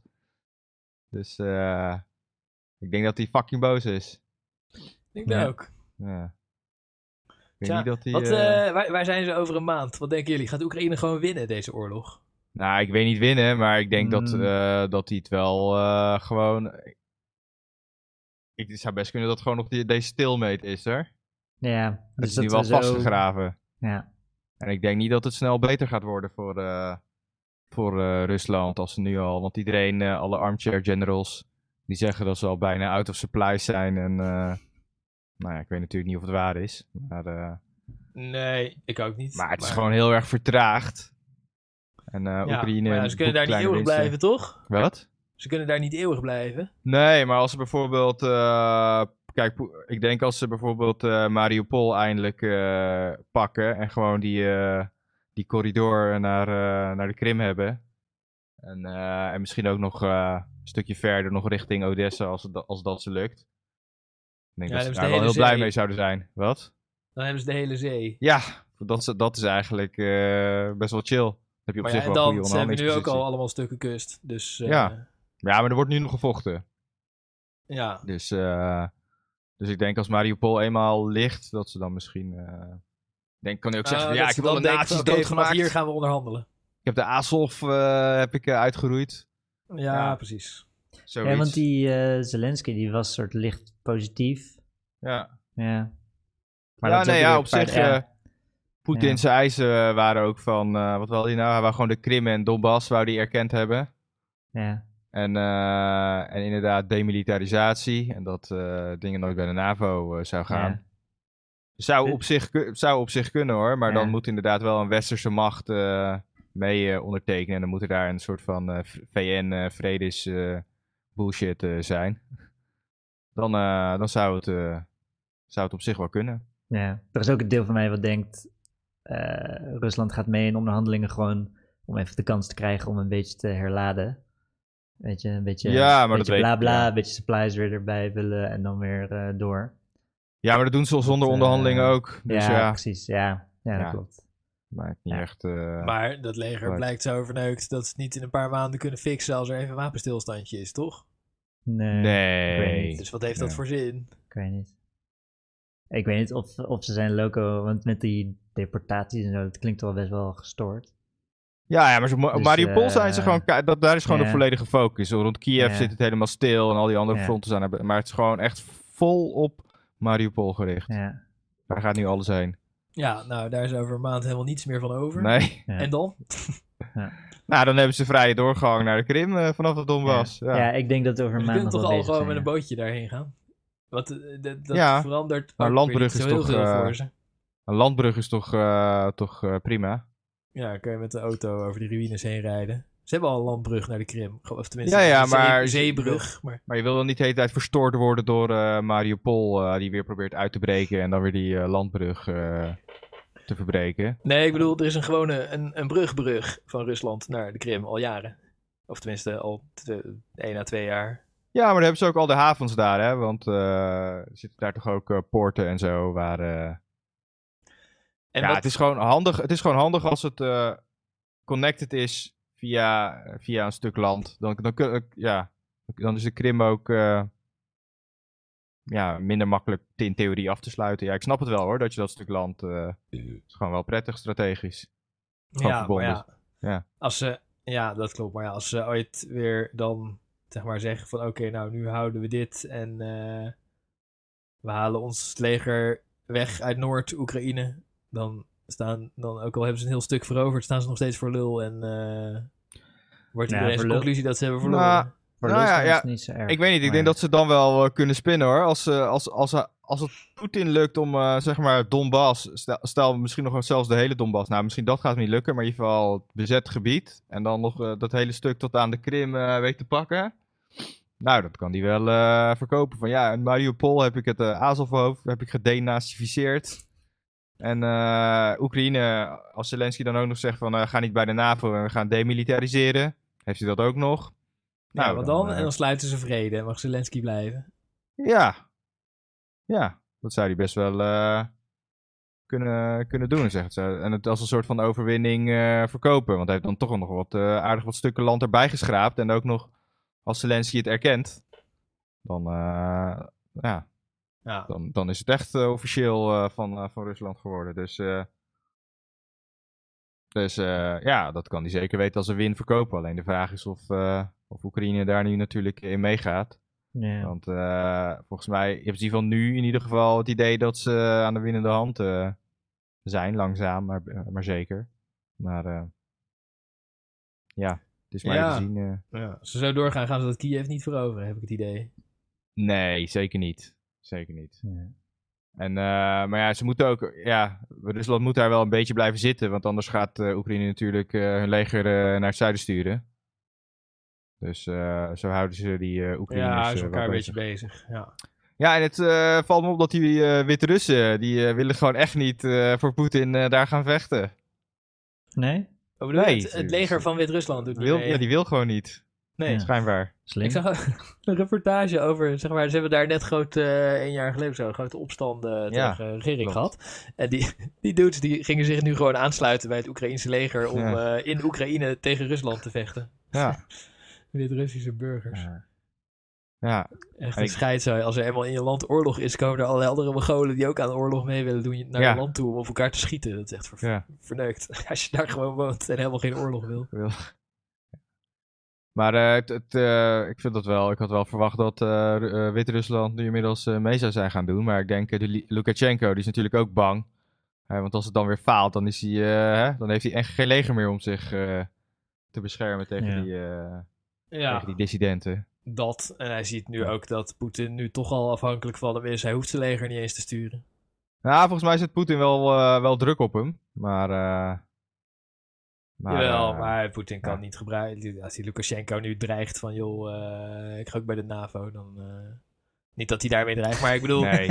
Hij, nee, nee, maar dat, dat zou wel ver gezocht zijn. Ik, ik bedoel eigenlijk, Poetin is nu al super afhankelijk van die Lukashenko. ja, maar Poetin heeft. nee, maar zijn wederzijds afhankelijk, hè? Ik bedoel, Poetin heeft hem wel geholpen eh, die opstand neer te slaan. Zeker, zeker. Dus. ehm, dus. ehm, hij heeft wel wat leverage, zeg maar, om eh, die Lukashenko. eh, Ja. Maar eh, goed, schijnbaar. ja, maar ja, als het Wit-Russische leger niet wil, ja. Schijnbaar kan die Lukashenko ze niet, is niet zo sterk als Poetin om ze. Nee, Om ze waarschijnlijk is dat Wit-Russische leger ook nog kutter en corrupter. Ja, ja en hebben ze nu precies. ook wel door dat het toch, eigenlijk toch geen zin heeft. En dat Ja. ze beter mo- moslims en negers kunnen sturen. Want Ja, die, die, boeien ze niet. Ja, die, zijn ook wel, die hebben ook wel getraind. Ja. Ja. Het Wit-Russische leger, ja, wat zou je het voorstellen? Een beetje op die demonstranten geschoten, verder niks. Tja, Ja, maar ik, ik denk, eh, zoals het er nu naar uitziet, is het in ieder geval tot een eh, stilstand. eh, Ja, over een maand Ja. zelfde shit situatie. over maand Ja, zijn ze nog bezig, hè? Ja, Ja, denk ik ja, denk ik. ja, Mariupol eh, platgelegd. En dus eh, de... Allebei berichten aan het sturen dat ze aan het winnen zijn. ja. Dat is misschien ook een beetje, een beetje bang dat we om een of andere reden dat wij er ook eh, aan mee moeten doen. Zeg maar de NAVO- NAVO-landen. Dat, er ergens, eh, dat het escaleert. Want ik zie ook niet, zeg maar zo'n stalemate, ja, is dat dan ja, eh, acceptabel als het ware? Gewoon zo'n permanente stalemate? Of- Nee, voor, nee, tuurlijk niet. Maar kijk, uiteindelijk moet Rusland een keer weg. Weet Ja. je wel? Ik bedoel. Het kost ze veel te veel geld. En ze moeten ook van die sancties weer af. Ja, Dus uiteindelijk moeten ze een keer weg. Dus, en als, als Oekraïne supplied kan blijven, voor een grootste gedeelte, ja. ja. dan is het niet eens zo heel eh, negatief. Dus alleen, je moet een beetje voorkomen dat Rusland al die alles kapot schiet. Ja. en puin legt. Dat is een beetje ja, het... ja, het is echt eh, nasty. maar eh, ja, ze, ze beweren dat Rusland niet meer zoveel heeft. En dat ze met sancties ook heel moeilijk meer Want ook al gaat hij weg, dan blijven die, zeg maar, of zijn we dan weer lief tegen Rusland? Toch niet? Nou ja, op toch een gegeven moment weer wel. Fuck, fuck Ja, hem, fuck het hele land. Nee, Ja. toen hij die Krim innam en zo en al die andere Ja. afgrijzelijke dingen die hij doet, dan... eh, Twee jaar sancties. Nee, ja, maar dit is wel van een andere orde. Dit is, dit Ja, is, eh, maar het blijft ja. nog steeds... En, Ja, en dan is het Ja. nu vijf jaar sancties, ja. ja, economie, weet je, mensen willen uiteindelijk weer gewoon geld, willen geld verdienen. Dus ja. dan Ja. gaan ze gewoon zeggen, ja, fuck die shit, het is nu geregeld en eh, klaar. Ja. We willen weer gewoon handel drijven. Ja. Dus eh, dat wint altijd. Wat, ja, eh, ik vind het wel creepy dat eh, India, China en al die landen, dat ze zich een beetje afzijdig houden. Ja, bij... Dat is- eh, Dat is volgens mij dat ze pro-Rusland zijn, toch? Nou ja, India, je- die heeft... Nee, eh, die hebben gewoon een soort dualistische moraal. Dat ze denken, Ja, ja, ja, ja. die Oekraïners zullen ook wel niet... eh, Nee, maar eh, Rusland heeft India geholpen eh, in de Pakistan hoor, tegen, Ja, tegen ja. Pakistan. En toen heeft Amerika shit geleverd aan eh, Pakistan. Ja, dus eh weet je, militair. En eh, India Ja, maar in deze eh, situatie je afzijdig houden is toch eigen- eigenlijk hetzelfde als positief zijn over. Ja, Ja, wat if het you're is, not for us, you're against in us. deze, in, deze dat? situa- in deze situatie met, met Poetin die binnenvalt wel, ja. ja. waarom? Nee. Om, de, om, je, om uit te spreken, om het niet te verwerpen. Dat doen ze op, Ja, op eh, niet op moraliteit of zo. Zeg maar, ze doen het voor hun Ja, eigen. India zit toch Ja. aan de andere kant van de fucking, eh, Ja. fucking wereld. Je hoeft toch niet overal... eh, ik bedoel, ik snap wel als zij jarenlang eh, gewoon eh, Russische militaire shit hebben afgenomen. En hun hele leger zit vol met crappy Russische shit, denk ik. Ja. Maar ja, goed, weet je. Dus eh, ze hebben wel altijd een goede band gehad. Ja, waarom zou je dan nu in één keer zeggen van... eh, Het is, het is met geen, de landen die jou niet geholpen hebben... Zeggen van, eh, ja, oké Rusland, eh, sorry. eh, Het is niet zo'n goede doet. reclame van Rusland voor de Russische militaire shit. In ieder geval. eh, wie, wie Nee, wil dat nu nog zeker niet. Ja, dat zeker niet. Als je was geweest, zou ik Amerikaanse shit nu gaan kopen, inderdaad. Maar Ja. goed, die, als de Amerikanen het niet willen leveren, of, niet, of dat die band nooit zo is ontstaan omdat ze Pakistan eh, gingen helpen. Ja. Ja. Dan, eh, Maar ik ben het niet eens met deze geen kant kiezen is een kant kiezen theorie. Nee, dat is van die George Bush shit. If you're Ja, not for us, you're against Mm, us. What the fuck? In deze situatie, in een, soort- in een zwart-wit, niet in... eh, Hoezo? het is niet dat je, dat je steun Wat, stuurt of zo, het, maar dat je niet eh, eens zegt van, joh, Rusland, hou er eens mee op. Ja, dat kan toch? Ja, kan dat? Ja? ik bedoel, dat Ik is gewoon een, een eh, acceptabele mening. Of, Nou ja, je kan gewoon neutraal zijn in een oorlog, toch? Ik bedoel, Ja. eh, dat... eh, je kan toch zeggen, eh, we zijn tegen oorlog, iedereen moet ermee ophouden. En dan kan je daarin Ja, lezen dat- van, dat is wat oké, ze nou zeggen. ja, Oekraïne kan niet ophouden, dus hij bedoelt Rusland of zo, weet ik veel. Dan heb je het niet gezegd, maar dan heb je het toch gezegd, dan ben je toch neutraal gebleven. Ja, dat is wat ze zeggen, inderdaad. De oorlog En moet ik stoppen. vind niet dat je moet zeggen van, oh, oh, Rusland is slecht om neutraal te kunnen zijn. Dan ben je niet neutraal. Ja, kijk.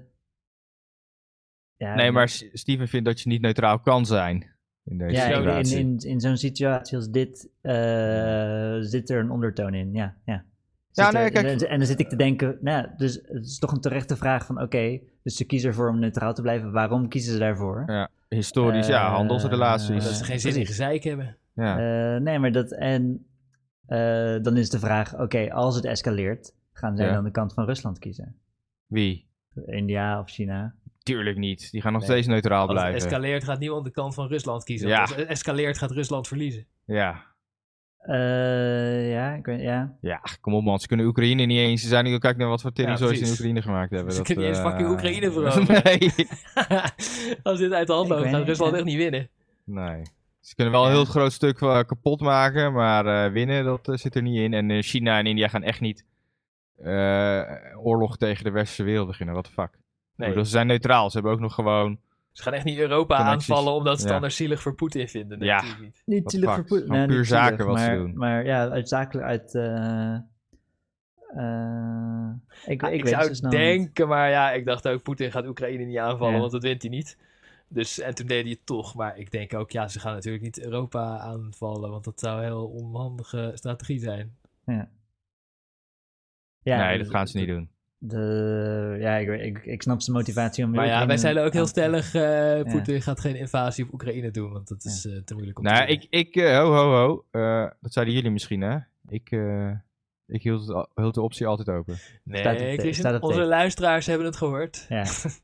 Heb ik gezegd? Nee, nee, nee. nee, nee. Weet ik- het was, het was eh, enkele onder ons hebben zich eh, Precies. heel stellig uitgesproken en enk- andere, enkele anderen hebben zich een beetje op de vlakte gehouden. Ja. Ik Ja. zei, dat doet hij nooit, want het is een super slecht idee, want het lukt hem niet. Dus ik had toch ook wel weer half gelijk dan. ja, ja, ja. Dat een slecht idee was sowieso. ja. Nou ja, inderdaad. Nou, ik dacht in ieder geval dat hij gewoon dus wel stukken Oekraïne zou pakken, maar dat hij Kiev eh, aan zou vallen.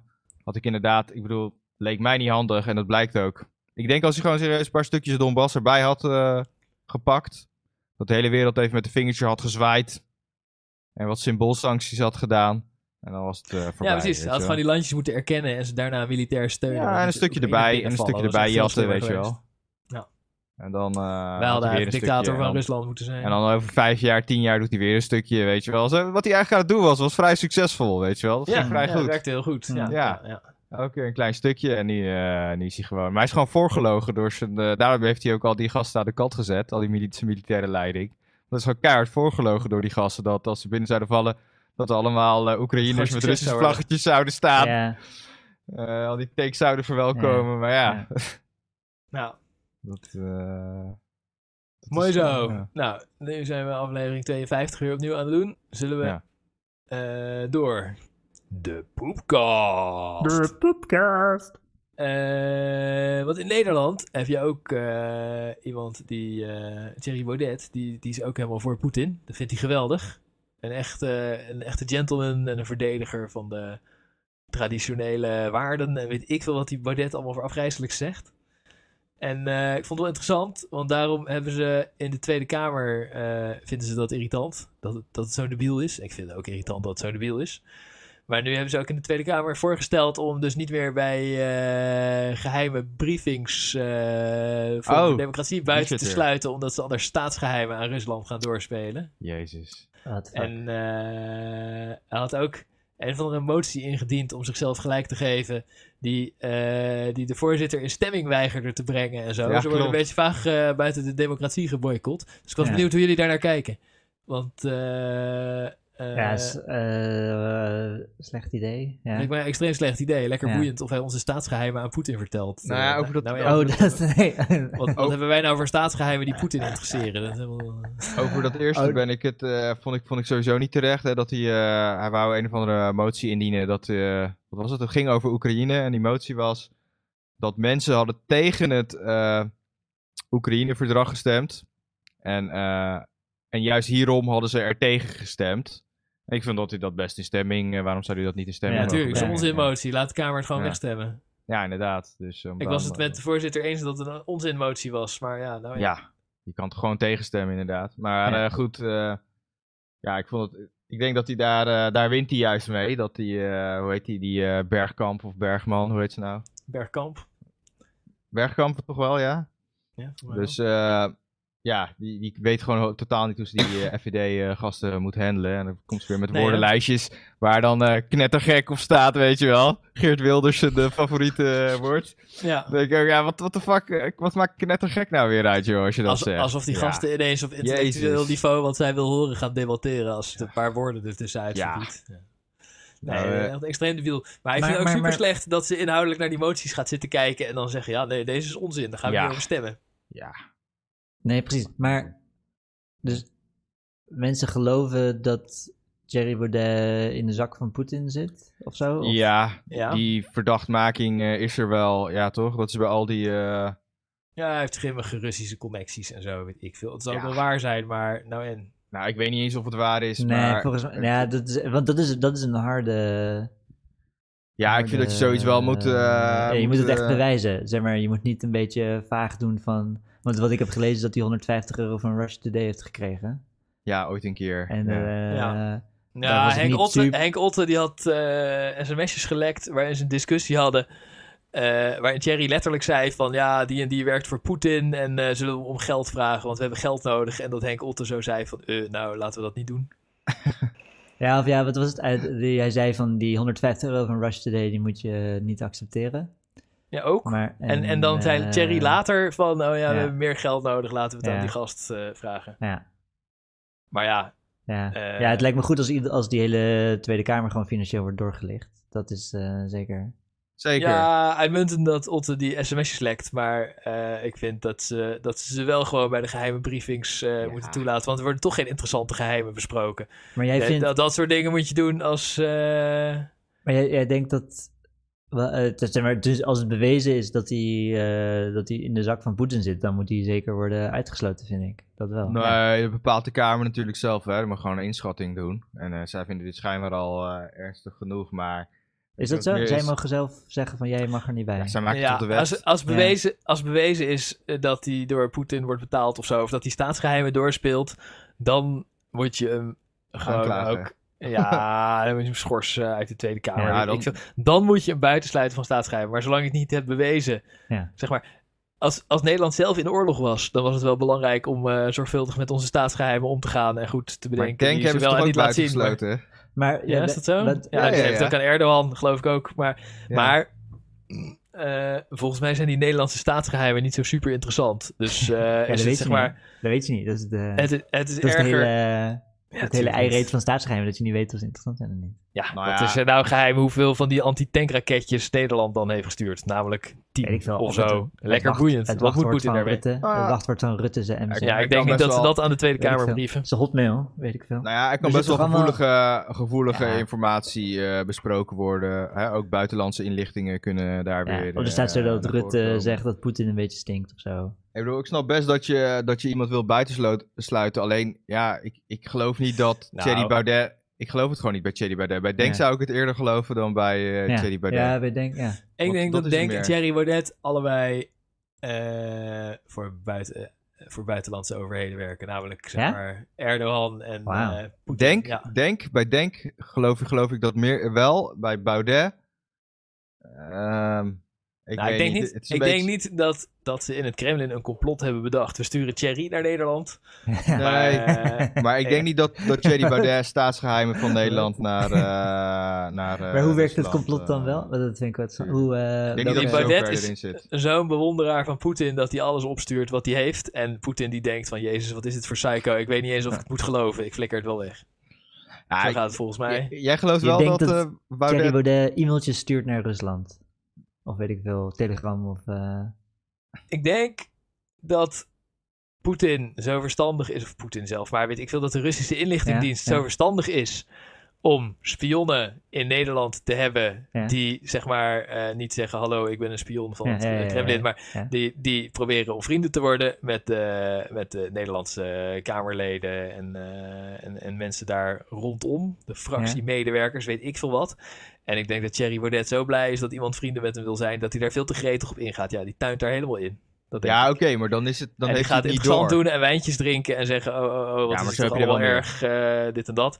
En dan, eh, dan lekt hij ook alle geheimen die hij heeft. Ja, dat Ja, denk zo, ik. zo heb je er wel meer. Ik bedoel, maar dat is iets anders, hè. Dat is gewoon... Maar ik denk niet dat die Nou, bewust... ik denk dat de gemiddelde PvdA-backbencher dat niet doet. En denkt wat raar Nee, dat deze maar- Rus zo in mij geïnteresseerd is. Ah, je hebt altijd wel een of andere alcoholistische Eh, eh, maar- eh, maar de je hebt spionnen altijd zijn iemand te toch- vinden. Ik, tenminste, Oké, maar de spionnen zijn toch iets subtieler dan dat? Het is, het is niet alsof er een soort van... eh, dan zie je zo'n gast in een steegje staan met zijn kraag omhoog en een eh, envelop met geld. Dus, eh, de, do you have Nee, nee, nee. Maar hij heeft eh, Maar- gewoon, eh, weet ik veel, zijn... zijn... Nee, maar Rolf, dat, is, dat, dat doet hij het onbewust. Maar denk je nou echt dat hij bewust aan Ja. eh, Poetin eh, Nederlandse staatsgeheimen zou doorsturen? Dat, hij, dat die band niet zo ver is dat hij bewust aan Rusland, als hij daarin zou zitten, dat zou doen? Mm, Nee, waarschijnlijk niet. Nee, dat denk ik dus ook niet. Nee. En ik zou dat eerder bij, bij die fucking, hoe heet die, eh, niet, niet die ene die nu van Denk is. eh, ook? Kuzu en die... eh, Kuzu, ja. Kuzu en Ustuk. Ja, bij die Kuzu Ja. zou ik het, die, die, Ja. daarbij zou ik het gelijk geloven. Dat, wijze ratten. Oh, dat ze gewoon expres eh, hun wekelijkse mailtje naar Ankara... Ja, ja, ja, dat is het gewoon letterlijk aan de Turkse inlichtingendienst. Gewoon zo doorschuiven. Hier, dit is wat er besproken is. Ja, denk je? Ja, het Of zou me niet echt voeren. verbazen trouwens. kunnen, ja. Het zou me inderdaad minder verbazen dan bij... eh, ja, bij Forum. ik geloof het gewoon niet. Nee, ik maar, denk dat het... nee, maar ik geloof dat, het, eh, dat, dat die Baudet het veel te leuk vindt. Iedereen die, eh, die al wel schaamhaar heeft en in hem geïnteresseerd is, dat, dat vindt hij veel te leuk. En die Russen die zitten helemaal in die partij natuurlijk. Dat kan niet anders. Ja, misschien, misschien, eh, misschien zitten, ze er, zitten ze er wel in, maar eh, ja. Die Russen zitten helemaal in die partij. Ja, je kan zou gewoon lid kunnen. worden van Forum. Ja, ja. Ja. Het zou echt extreem amateuristisch zijn als er niet een Russische en een Chinese spion lid zijn van Forum voor Democratie. Nou, ze- hebben wel, ze hebben, er zitten wel bepaalde, ze- ze- ze- dat geloof ik wel, dat ze erbij in de buurt zitten, ja. Dat geloof ik wel. Tuurlijk. Er zijn Chinese en Russische spionnen lid van alle Nederlandse politieke Ja. partijen. Dat kan toch Ja. niet anders? Het is heel Nee. makkelijk om lid te worden van een politieke Ja. partij. Ja. Ja, op die manier lid. Ja. Maar de meeste, de meeste ze- of tenminste, ja, wat was het alweer, tien jaar geleden of zo, zo'n verhaal dat eh, Amerika ineens een boel Russische spionnen wegstuurde. Ja. Ja, waarvan dat, ze al lang eh, wisten dat ze er waren. Ja, dat ze wisten dat ze er waren, maar dan dat bijvoorbeeld hun partner niet wist dat ze Russische spionnen waren. Ja, Dus dan, eh, ja, ja, ja. dan kom je zo thuis en dan zegt je vrouw, ja, ik, ik moet weer terug naar Rusland. Sorry, ik was spion. ja, doei. Oh, die Americans Ja, ja. bullshit. Ja, dat was een super Ja, mooi ja, ja. verhaal. En dat ze is zei van, het hè, maar spion, je bent gewoon, eh, hè, eh, je verkoopt tweedehands auto's. Eh, wat is dat voor bezigheid voor een spion? Ja. Eh, ja, ze waren ook shitty spion. Ja. Dat ze bij de scouting infiltreren of zo. Ja. ja, en dat ze in een of ander kutdorp woonden waar helemaal geen, eh, geen interessante politieke dingen gebeurden. Ja. Ja, dat waren van die, eh, van die mensen die eh, inderdaad eh, getraind waren om helemaal Amerikaans te worden, toch? En ja. toen naar in Rusland en dat is, eh, helemaal Engels zonder accent moeten praten en zo. Zeg maar best wel goed ja. getrainde, Ja, zeg maar, ja, ja, ja, ja, ja. helemaal top spionnen. Ze hebben toch een serie over gemaakt, die Americans. Ja, die heb ik nooit gezien. Nou, is ook niet zo goed. Ik vind een beetje bagger. Ik heb wel gekeken, maar slecht. Maar ja, dus gewoon vanaf jongs af aan getraind. Volgens mij hadden ze ook niet zo'n simulatiedorpje in, eh in Rusland. Maar, maar- maar heel even terug, moeten we, moeten we denken buitensluiten van... eh, ja, maar daar, daar geloof ik het veel meer. Weet moeten we, moeten we ze van geheime kamerbriefings ja, dat zijn ze dus al. Denk? Ja, daar ging, in ieder geval tenminste, Ja. daar was een paar jaar geleden een discussie Ja, over ja. of ze er buiten gesloten moesten worden. En volgens mij, eh, ik weet niet, wat, volgens mij als je fractievoorzitter bent, mag je daar in principe bij zitten, toch? Het is niet van hoe groot je partij is, maar elke partij heeft Ja. eh, recht op die informatie. Volgens mij werkt het zo. Ja. En, eh, en volgens mij was Denk, eh, was, ging die discussie daarover dat ze buitengesloten moesten worden. In ieder geval, eh, ja, ja. Wilders was, eh, was, was voor. En ik dacht ook wel van, ja, weet je, die gasten durven zich niet uit te spreken tegen, eh, tegenover Erdogan. Er komt helemaal niks uit. Dus eh, toen dacht ik ook wel van, ja, dat, eh, daar snap ik het wel. Maar bij, bij de Baudet, dat, eh, daar heb ik het eh, veel minder bij. Dat, Ja. ja. die lult wel een beetje mee met van... eh, van eh, hem, ze- al met, hij is natuurlijk groot geworden met dat Oekraïne-verdrag. En eh zegt Volgens mij is die van, ja, Baudet dat net zo. Volgens mij is die Baudet net zo mogol als Trump. Dat als je hem een beetje vlijt, dat hij, dat hij gewoon super makkelijk. ik, denk, ik denk dat andersom zonder dat hij ik het denk expres dat, doet. eh, ja, Ik denk dat Baudet eh, probeert mensen boos op hem te maken. En ik denk Ja. dat hij denkt, oké, als ze mij onterechte Ja, beschuldigingen van... eh, ja, on- nee, maar als ze mij onterechte beschuldigingen van dat ik in Poetins pocket zit... Dat kan hij uitmelken als van, eh yo, check hoe gestoord ze zijn. Ja, tuurlijk, Zeg dat maar, gebeurt. eh, ja. dat hij daarom een beetje meelult met... eh, Nee, nee, dat heeft ermee te maken. Hij zei, hij zei deze shit al. Hij zei van, al toen met het eh, Oekraïne-referendum is hij groot geworden. En daar zei hij al van als, eh, als eh, Oekraïne bij de NAVO gaat, komt er oorlog met Rusland. Daar zei hij dat al. oh. Dus hij ziet nu zo van ja, het, eh, zeg maar die argumentatie van eh, het Westen heeft dit opgezocht. Snap je? En op zich vind, begrijp ik dat als hij dat zegt, als hij dat vijf jaar, vier jaar geleden ook al zei. En weet je, laten we eerlijk zijn, ja, mensen noemen dat Russische propaganda, maar ja, het is wel zo dat heel veel militair of stratege- strategen, eh, die ook gewoon uit Engeland en Amerika komen, dit altijd al hebben gezegd dat Rusland, of het nou Poetin is of, of elke andere Russische pro- eh, president, dit als provocatie zou zien als Oe- Oekraïne bij de NAVO gaat. Dat is, dat is wel gewoon zo. Dus ik geloof dat ook best wel. Dus, eh, en, en ik sta- Evident dat Rusland het als een provocatie heeft gezien. Ja, maar ja, en dus zou aanvallen. En dus zou aanvallen. Dus, Ja. en als jij dat al gezegd hebt in de Oekraïne-referendum, en dan blijkt ook nog, hè, de hele eh, een meerderheid van de Nederlandse bevolking heeft tegengestemd. Dat heeft de Kamer naast zich neergelegd. Dus ja, tuurlijk gaat hij dan zeggen van ja, hey, wat, eh, jullie eh, elite, westerse elite, die zoekt het eh, gewoon zelf op door, eh, door die kant op te gaan. En dat is het niet per se, eh, vind ik, eh, eh, Russische propaganda. Al weet ik natuurlijk wel dat hij via andere hoeken, omdat hij juist dat zegt, dat de Russen dan eh, contact met hem zoeken. Maar ik vind, ik vind, eh, nou, ik vind dat hij daar best wel, eh, ja, eh, zeg maar, tegen zijn karakter in eh, best genuanceerd over is geweest. Wie Baudet? ja, ja, over... over maar Baudet die heeft toen die oorlog al twee weken bezig was, heeft hij gezegd Rusland valt alleen burgerdoelen aan. Hij zegt Navalny is niet vergiftigd door Rusland. Ja, oké, dat is wel bullshit. Ik, ik denk Hij zegt allemaal zulke dingen. ja, dat, ja, die ja, dingen zijn wel... Dat is wel... eh, dat is wel bullshit. Dat klopt. Maar ik denk niet... Ja, ja ik, weet, ik weet het niet, maar dat moesten toch eh, kunnen zien, al die geldstromen. Naar, Poet- Nee, naar daar- Baudet toe. Daar wordt Baudet ook telkens voor geschorst, omdat hij zijn financiën niet wil openbaar maken. Nee, maar ook Dat sowieso de, eh, de... Alle politieke partijen worden gecheckt op financiën die ze zelf eh, aangeven. En dat wordt Oh, dan ja. gecontroleerd. Maar dat geldt voor alle politieke partijen. Dus het is, zeg maar, of ze goedgekeurd worden of niet, dat... Ja, het is een beetje een, een farce. Van, eh, Ja, weet je, ik zou zeggen, als het echt zo erg is, start een onderzoek. Maar, eh, ja. dat, Ja, maar dat, ik- Baudet ik- heeft toch ook gezegd, volgens mij, ik, denk dat zei ook. ik denk dat al die politici cynisch zijn en denken: oké, we moeten geen onderzoek starten, want dan komt er niks uit. We moeten gewoon. eh, Ja, dan, dan gaat Baudet natuurlijk weer roepen, oh, heksenjacht. we moeten veel rook eh. maken, we moeten veel stennis schoppen.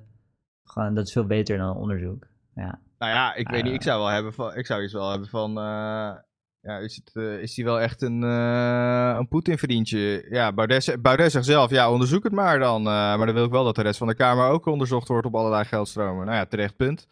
Ja, Ik bedoel, ook doen. doe het dan, ja toch? Eh, dat dat Ja, heb ik nee, meer. nee. Want, ik, want ik, bij Baudet zit ik er echt tussenin of je, of je het echt... eh, Maar ik vind, tot, tot ze het hebben onderzocht, moeten ze hem gewoon dezelfde moties laten indienen, geheimen laten bespreken als die andere, andere Kamerfracties. Ja, vind Want- ik wel. Die geheimen van ons die zijn toch niet zo interessant. En eh, laten ze gewoon. eh, Ja. Gaan we niet. Ja, gaan we niet. Nee, het gaat ook om principe rol. Het gaat ook om, het maakt niet uit of ze Ja, interessant nee, maar het gaat mij ook natuurlijk om het Dan, principe. eh, Want ik vind, hij is gekozen door, eh, door Mongolen, maar ze hebben Ja. op hem gestemd in een democratie. Ja. En we moeten hem niet buiten het democratische proces Nee, nee, precies. plaatsen zonder keihard bewijs. Ja. Tenzij eh, we denken van, dan gaat Nederland zelf een oorlog verliezen. Dan kan je nog kijken wat je met je staatsgeheimen voor eh, extremistische dingen gaat doen. Maar nu zeg ik, onze staatsgeheimen zijn zo super oninteressant dat het niet belangrijk genoeg is om daarvoor het democratische eh, proces, eh, om de hele democratie te ondermijnen, terwijl je geen bewijs tegen Ja, hebt. Alleen ik maar weet niet wat er wordt gezegd, hè. Vermoedens die ik Ja. deel. Maar nou ja, Jesse Klaver heeft voorgesteld.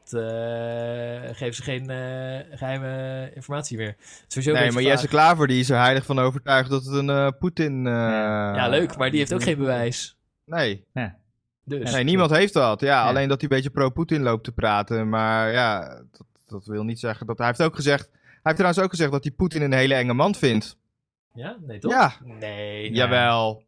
Ja, jawel. hij raaskalt alle kanten op. Ja, hij hij- raaskalt gewoon alle kanten op. En dat, Volgens mij heeft hij vaker gezegd dat hij Poetin een eh, verdediger van traditionele waarden en Ja, dat eh, heeft hij ook wel. voorbeeld En, eh, Dus- dat heeft hij dus- ook al gezegd. Maar die laatste ongehoord Nederland, of toen ik hem daar gezien heb, of in ieder geval op Twitter, whatever. Hij heeft ook gezegd van, ja, ik ben helemaal geen Poetin-fan. Dus ja, ik bedoel, dat hoor je die gasten van Denk niet zeggen. Ik ben geen Erdogan-fan, weet je wel. Dus eh, ja.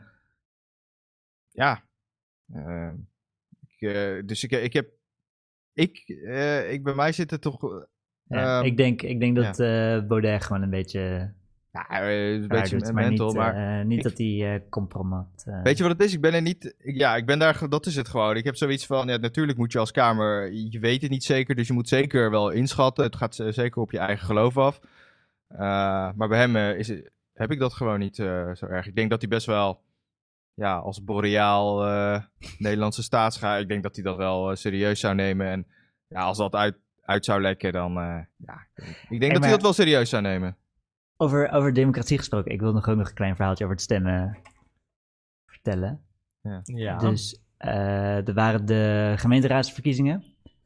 Dat was alweer twee weken Oh, geleden ja. zo, ik weet niet meer Ja. wat, het, eh, wat het was. Maar ik vroeg aan mijn moeder, "Oh, wat, eh, wat ga jij stemmen? Mijn moeder onwijs links... eh, Oh, e- ik moet van ze even zeggen, Eva vroeg dat. Dat is heel Ja. belangrijk. Mijn moeder is een onwijs linkse eh, hippie type.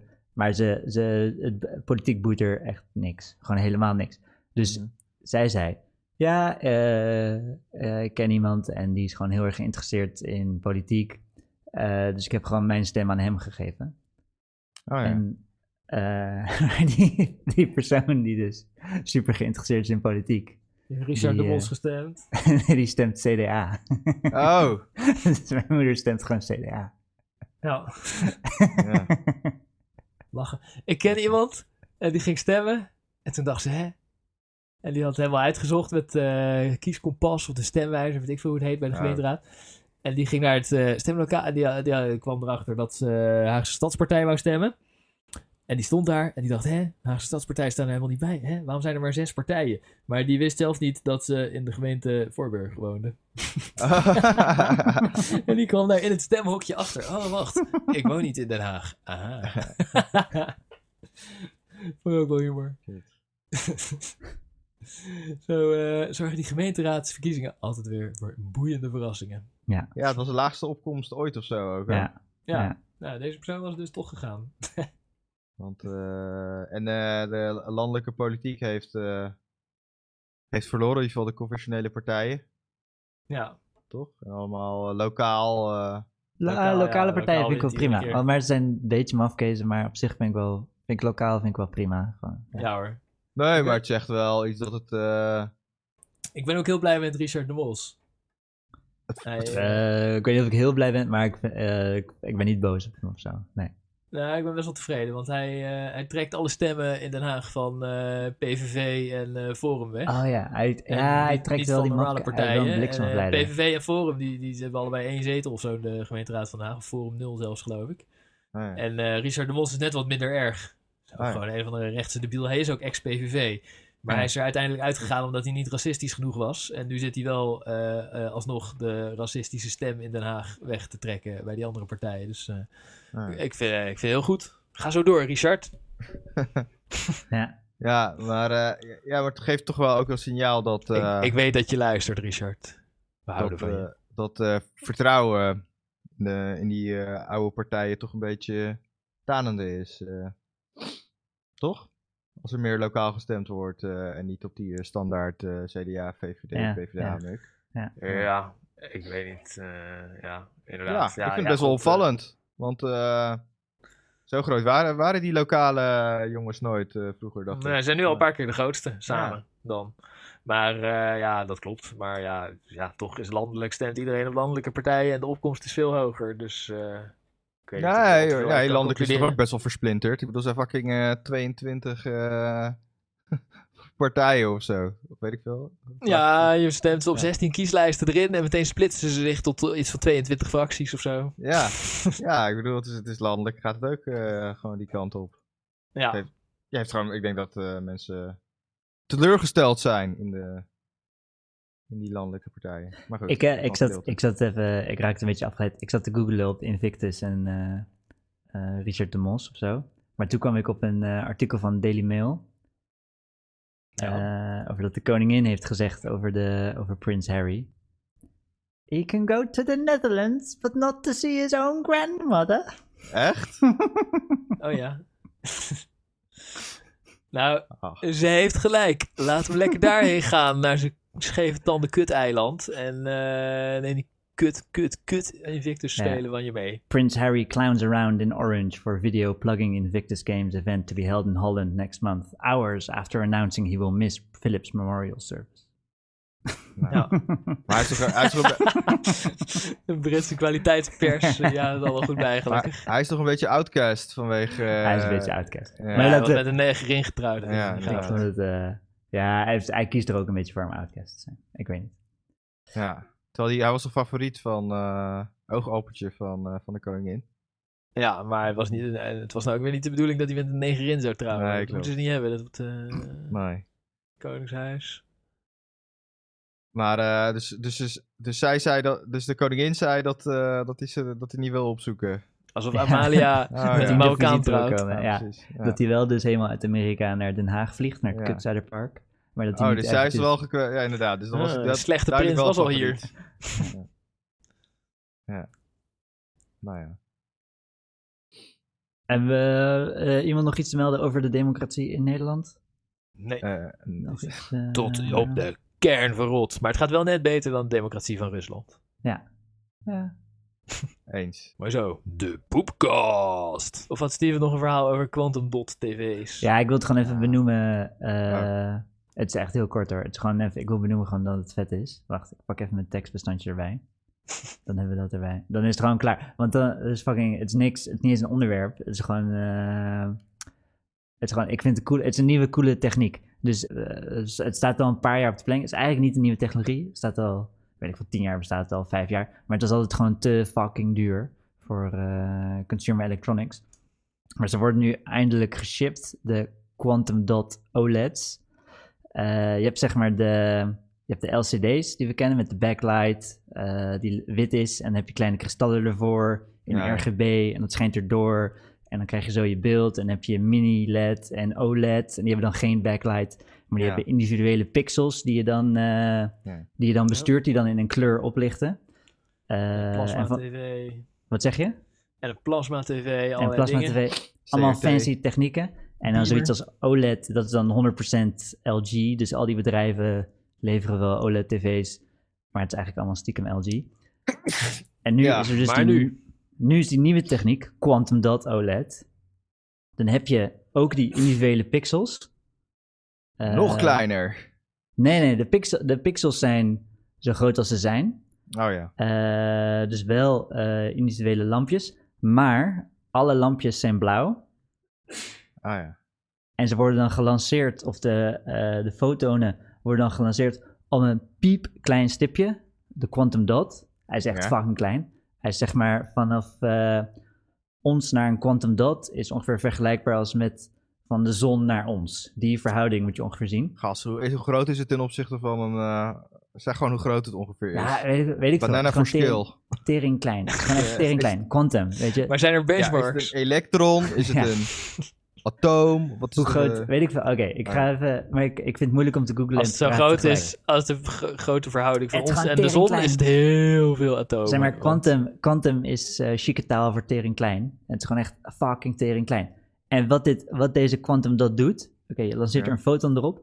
Je hebt, het, zijn alleen maar, is alleen maar blauw licht. En die quantum dot verandert gewoon dan de golffrequentie. Eh, Ja. En dan het licht wat er daarna eruit komt, is dan van een andere kleur. Dus het is niet dat je energie kwijtraakt. Nou, misschien een beetje, maar dat niet op een manier zoals een filter. Dat je eh, eh, wit licht erop gooit en dat het dan gefilterd wordt tot andere kleur licht. Het is gewoon dat daadwerkelijk het licht van frequentie wordt gewijzigd door een fucking piepklein stipje. Ja, Eh, en dat is gewoon fucking vet. Je hebt gewoon maar zo'n normale led verandert toch ook gewoon van kleur?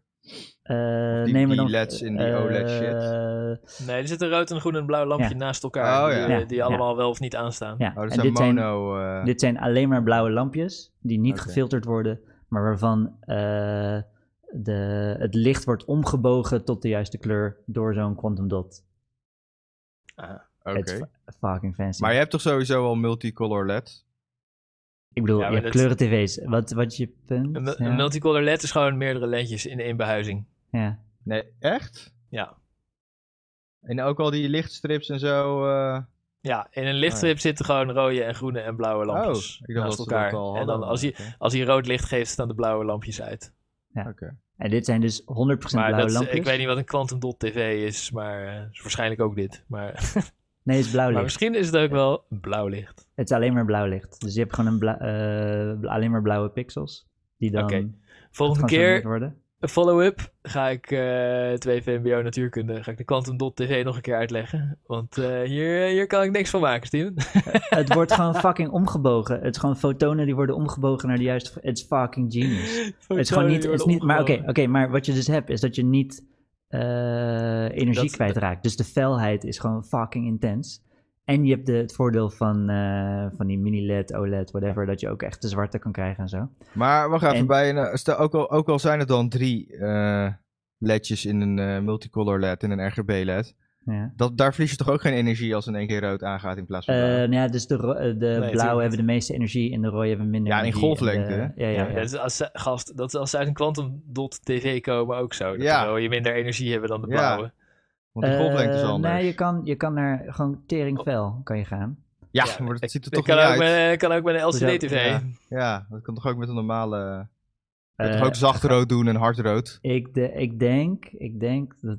Zeg maar, Een rood foton heeft minder energie dan een blauwe. Dat is eh, zeker weten van 2 VMBO natuurkunde. Dat kan niet Ja. anders. Maar Maar wat is jullie punt precies? Dat het niet vet Nou, is? dat dus als je het van kleur Nou- verandert, dat er wel energie kwijtraakt. Ja, je kan dus Mijn- punt is dat ermee. je- Je kan echt teringvel ermee. Mijn punt is dat je net als met die Apple dingen, dat je een of ander marketing ding napraat, wat eh, nee, geen... nee, nee, nee. eh, Ik heb een Apple ding. Ik ben er Nee, maar je zegt je verliest geen energie met een. eh, eh, met dat, je verandert met de kwantumbeeld. van blauw naar rood, maar je raakt geen energie kwijt. Zeg Ja, het worden- dat het worden meerdere- eh, dat mag niet van Newton.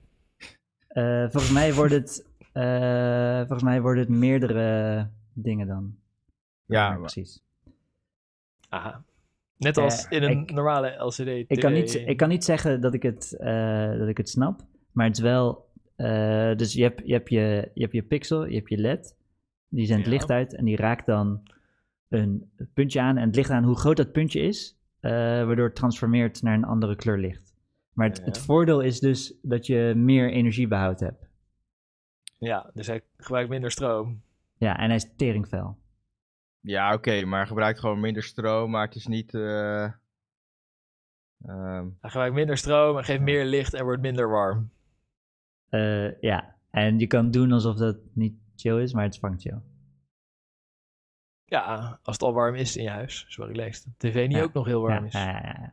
Of als de stroom heel duur is. Ja. Aha. Nou, eh, ik ben benieuwd. Ik wil het benoemen. Maar oké, dus wat ook interessant is. Dus ehm, eh, de enige die deze technologie momenteel eh, heeft is Samsung. Maar zij zijn niet degene die de Quantum Dot TV eh, uitbrengen. Volgens mij is dat Sony of zo. Sony, eh, want je hebt Samsung is ook zo vaag met dat ze meerdere bedrijven hebben of zo. Die Ja, klopt. kennelijk, dus die technologiekant heeft het niet verkocht aan Samsung TV's, maar die heeft het verkocht aan Sony. Dus Sony zijn de eerste die met de Quantum Dot eh, TV gaan uitkomen. aha. Oké. En als je een PlayStation 5 hebt, dan heb je super, super vet. Aha. Nou, ik, eh, ik kijk uit naar de benchmarks. Ja, Eh, Aha. Eh, ik denk over, over, over een half jaar heeft Steven een Quantum Dot TV en dan kunnen we gewoon Nee, komen denk ik kijken. niet. Ik, ga er- ik denk niet dat ik hem... eh, Hey Steven, hebben die virtual reality bril al terug? Oh nee, die is nog uitgeleend. Want jij wil graag, ik- confer ja, wil graag conference callen. Ja, ik kijk zo uit naar je eh, recensie. of Ik wil het zelf ook even proberen. Van die Facebook shit dat je geen benen Ja, hebt. ja. Ik heb, ik heb reviews gelezen van meerdere conference call eh, software shit. Ja. Ja, ik wil vooral die van Mark Zuckerberg, dat je rondloopt zonder benen. Dat je Ja, een soort, eh, kut. die heeft van de hele wereld een soort virtuele Invictus games gemaakt. eh, Mm. Waar allemaal poppetjes wel op Ik hoorde laatst dus, ze hebben gewoon mensen permanent in dienst. Want je hebt met, ehm, met die conference call meeting shit, metaverse shit, heb je zo'n eh, zo'n groepsruimte waar iedereen heen kan. Eh, en daar hebben ze dus ook gewoon medewerkers rondlopen in de virtual world. Die dan gewoon hun fulltime baan is rondlopen in Oculus Quest om mensen van dienst te zijn in de virtual world. Chill. Chill. Ja, dat wil ik dus echt bekijken. Ja. ja, je kan ook met ze praten dan. Je kan er naar ze toe lopen. En, dan, en kan je dan eh, ook zeg maar een mod installeren dat ze er als naakte wijven uitzien? Eh, als je je Oculus hackt, ja, moet wel kunnen. Kan je eindelijk je klachten over Ik- Facebook bespreken? ja, Eindelijk een precies, je kan je klachten over Facebook ja, bespreken eindelijk iemand die een, luistert, eh, want je kan niet ja, gewoon ja, opbellen. Ja, ja, ja. Toch een helpdesk. Ja, daar gaan we een keer een, eh, een, eh, een special eh, over maken die ook daarin is opgenomen. Dat, je helemaal, eh, dat, eh, dat onze arme kijkers ook nog via YouTube naar die ellende moeten Ja, kijken. is die leme Facebook eh, metaverse er al? Ja, ja, ja. Dat, is, Ja, dat is die shit zonder eh, benen, toch? De metaverse bestaat al 30 jaar. Ik weet, ja, Ja, maar die ene waar Zuckerberg het over had. Wat ook in het nieuws ja, was dat, eh, heeft- ja, dus, dat mensen er worden aangerand en dat die poppetjes te dicht bij elkaar kwamen. Ja, Ja. ja, Ja, ja, is, het is eh, wel... De Snowflake eh, Ja, dat, metaverse. dat is er al. En daar moeten wij ook heen en die poppetjes aanranden. Dat wordt echt lachen. Ja, ja.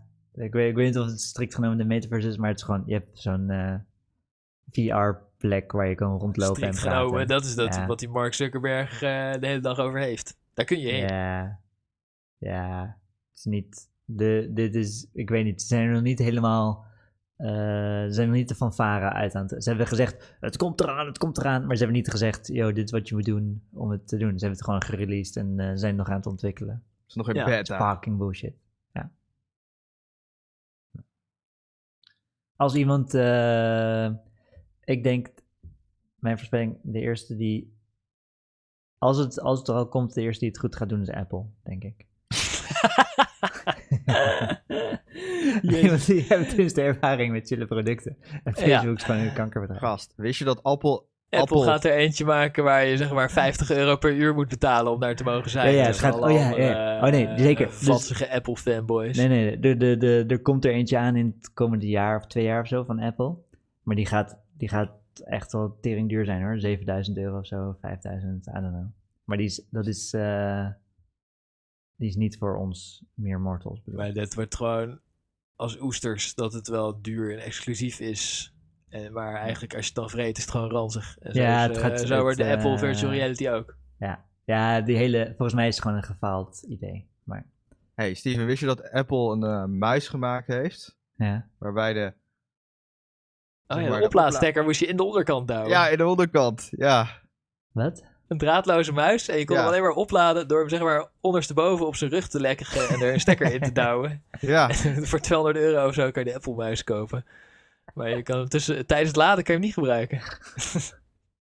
Ja, dat is een beetje onhandig. Want ze willen niet... Want het idee was dat mensen Nee, anders... dan moet jij nu zeggen, dat is natuurlijk super handig. Ja, dat is beter. Ja. Oh, nee. Tenminste, af en toe eh, je hand vrij om... eh, ja, ik zit Ja, te dan zie je dat- ja, het ziet er fucking kut uit. Dan zie je dat lelijke kabeltje niet. Ja, precies. ja, want- ja, precies. Ze willen dat je dan het, het gat waar de stekker in moet niet ziet eh, Ja. als je hem naast je computer hebt liggen, maar niet je hand erop. Zo. Nee, maar mijn, mijn mening over Apple is niet dat ze een feilloos eh, bedrijf zijn. Oh, Dat niet? Nee, nee, nee. Oké, nou, dit is eh, toch nog eh, op de valreep het echte nieuws van deze aflevering. Nee, nee, nee. Ik vind ze gewoon chill. Ik vind ze gewoon chill. En eh, ik bedoel, je bent een beetje afhankelijk van wat zij kiezen. En dan, dat is eh for better or for worse. Het is op zich, eh, eh, ja, je hebt, minder, je hebt minder vrijheid. En als iets, als iets goed regelen, is het van chill. Als iets slecht regelen, is het van kut. En dan kan je er niks tegen doen. Dan ben je gewoon, dan lig je als een schildpad op je rug. eh, Ja. ja. als een En muis ja. op je rug, ja. Met al je spullen die het dubbele kosten van wat ze, wat ze waard zijn. Ja, maar voor de chillheid, dat vind ik niet... Zeg maar, de, die... eh, zeg maar, als iets chill is, dan mag het geld kosten voor mij. Ja. Zeg maar, de, het is niet alsof je er niks voor terugkrijgt. Het is een, ehm, het is een inschatting die je maakt. Ja. Het is een gevoel. Nee, maar Gevoel. de...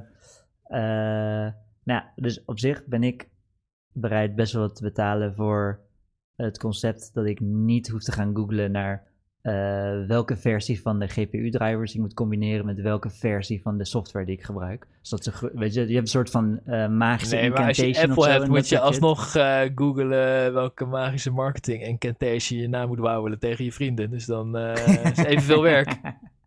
nee, nee, maar dan kan ik tenminste aan de slag. Dus de, weet je, want ik zit ze fuck die fucking Nvidia met een kut drivers, GeForce bullshit, die dan eh, Juist bij Linux is dat wel eh, steeds minder wel hoor. Maar, Ja, Ja, dit- het is dat allemaal is dus ook scheid, niet meer. jongen. Het, het is allemaal scheid. Hoe, en dan... nou, maar het is niet meer hoor. Ik bedoel, Nee, dat eh, is niet meer. Ik weet niet eens wat voor Ik video heb het, what ik the heb. fuck? Ik heb het van de week nog eh, meegemaakt. Wat? Met je oude laptop. Nee, nee, met, eh, ik heb boven een fancy computer staan. Maar dus Ja. de, er is zo'n soort...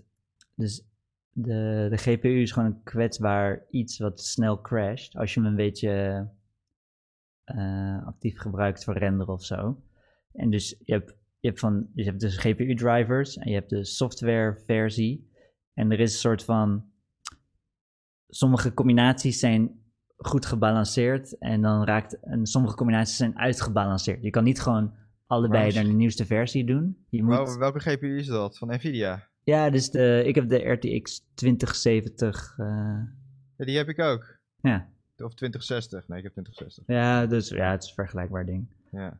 De, Maar die- eh, Bij mij doet hij het gewoon prima. ja, maar het, ga, het gaat om.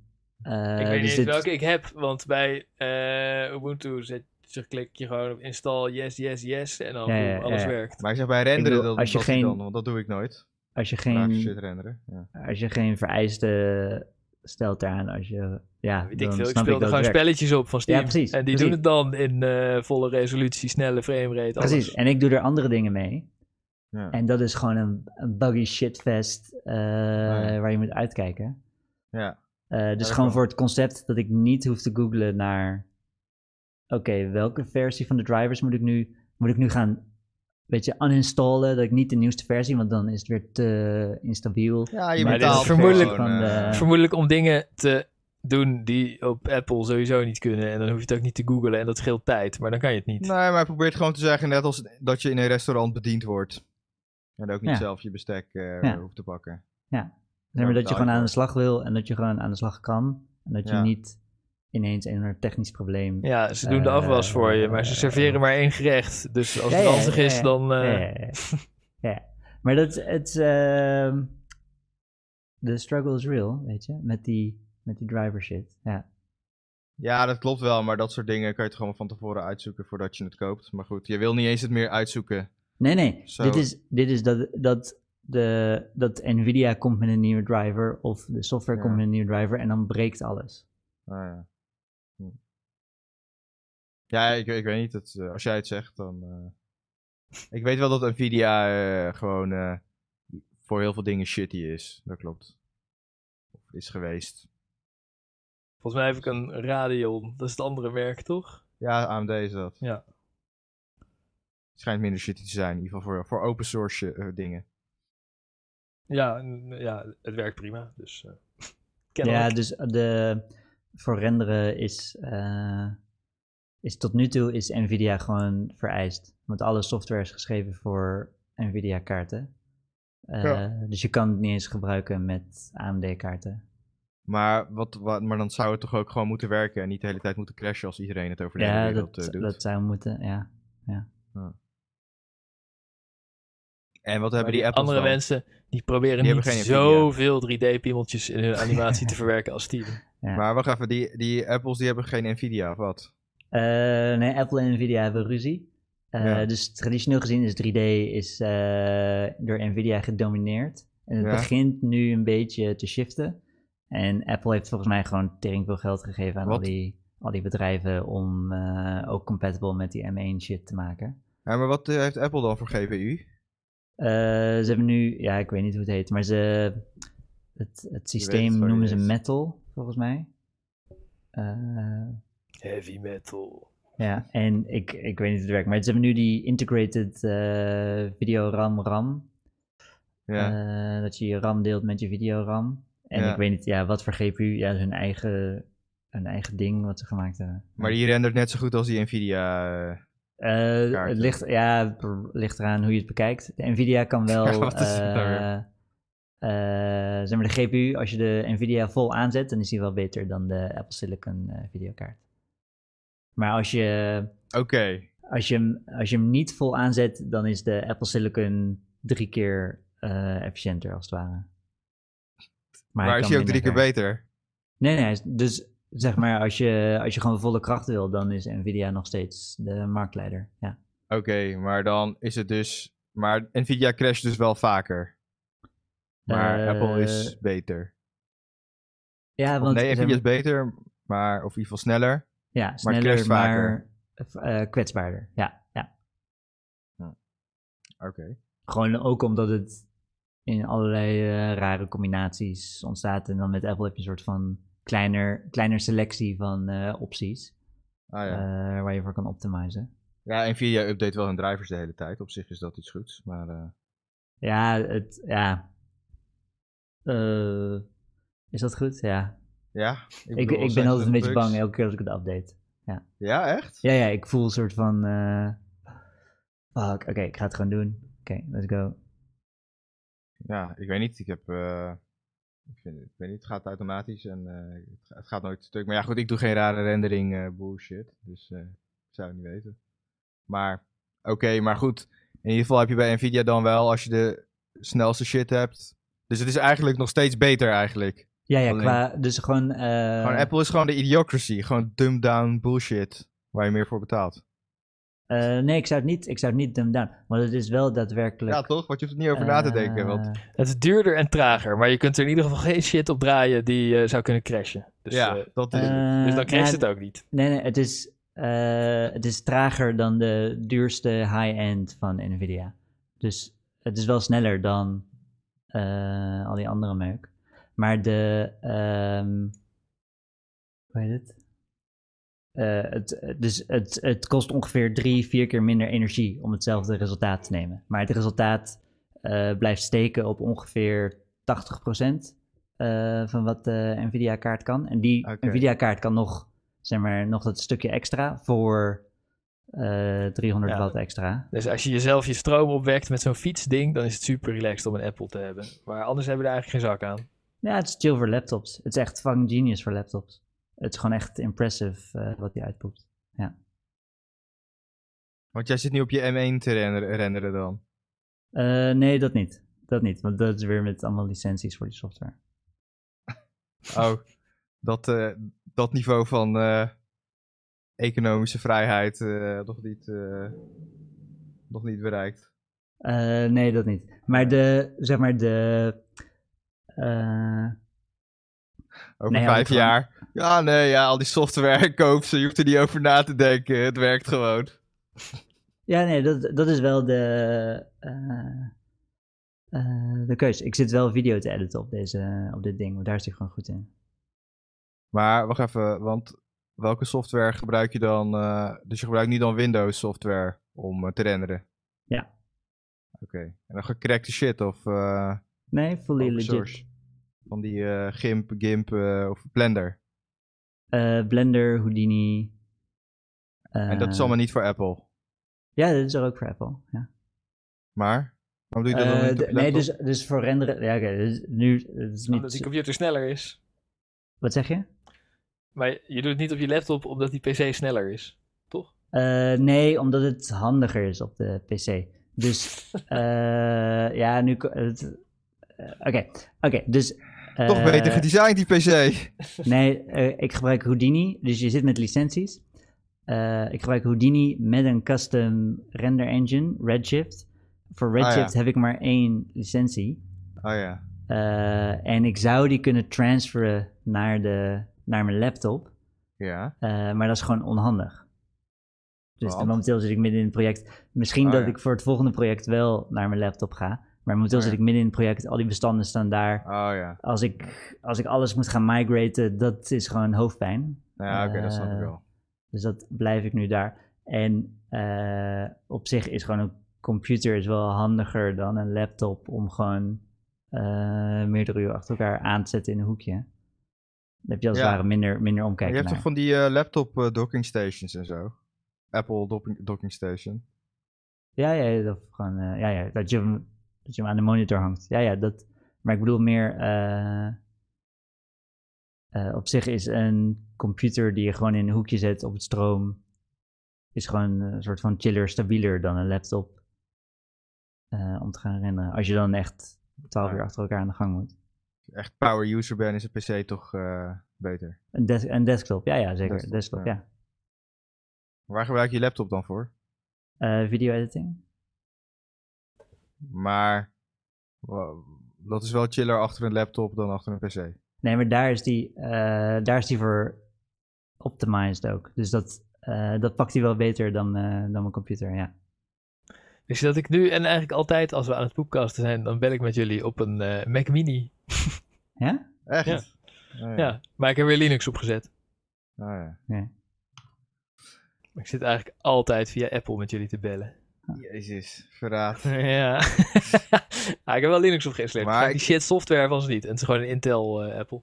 Maar Steven, ik snap het even niet, want video editen is toch net zo bewerkelijk? Moet je het klikken, dit en Nee, dat, z- nee, dat is wel optimized. Dus ze hebben, de, ze hebben die M1 shit hebben ze voor video geoptimized. Dus er zitten, wel. Gewoon, zitten gewoon processors in die speciale taken eh, specifiek voor video editing op zich nemen. Ja, dat snap ik wel, maar je zit dan nog steeds op een laptop. Al die bewerkingen, zeg maar, een muis en een Eh, groot ja, maar- toetsenbord is ja, toch dus- chiller? Eh, En een grote monitor, als je aan het video, ook als je aan het video editor bent. eh, ja, ja, dat klopt wel. Dat klopt wel. Waarom doe je Eh, dat dan dat weer wel op je laptop? Omdat die... Ja, omdat het scherm zo chill is. Ja. Oké. Nou ja, weer eh, goed, eh, mooi, mooi, mooi eh, Steven verhaal. eh. ja, Thanks. Dit is... eh, onze luisteraars, die kunnen weer tevreden zijn. Ja.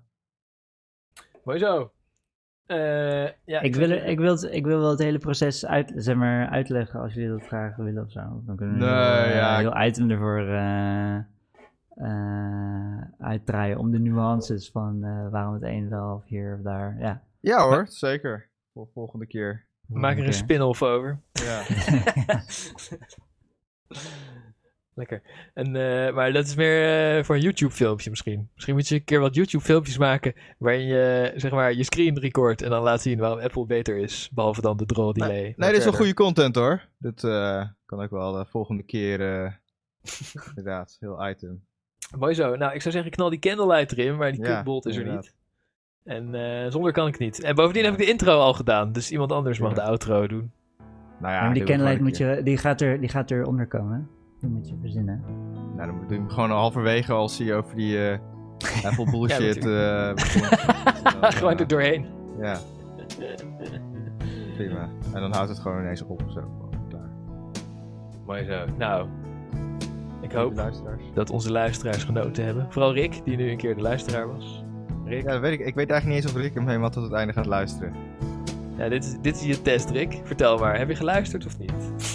Ah, ik vermoed dat hij misschien zelfs helemaal naar het einde gaat doorscrollen. Even naar het begin en dan even helemaal naar Ah, het dan moeten we einde. nu nog vijf minuten, we moeten nog vijf minuten rekken, zodat het weer... eh, We hadden dit, we hadden dit eigenlijk ergens tussendoor eh, moeten zetten.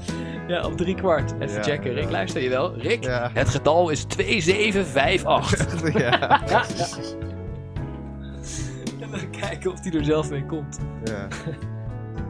Volgende keer. Gewoon iedere keer als er iemand niet is, dan stoppen we ergens het getal erin. Oh ja.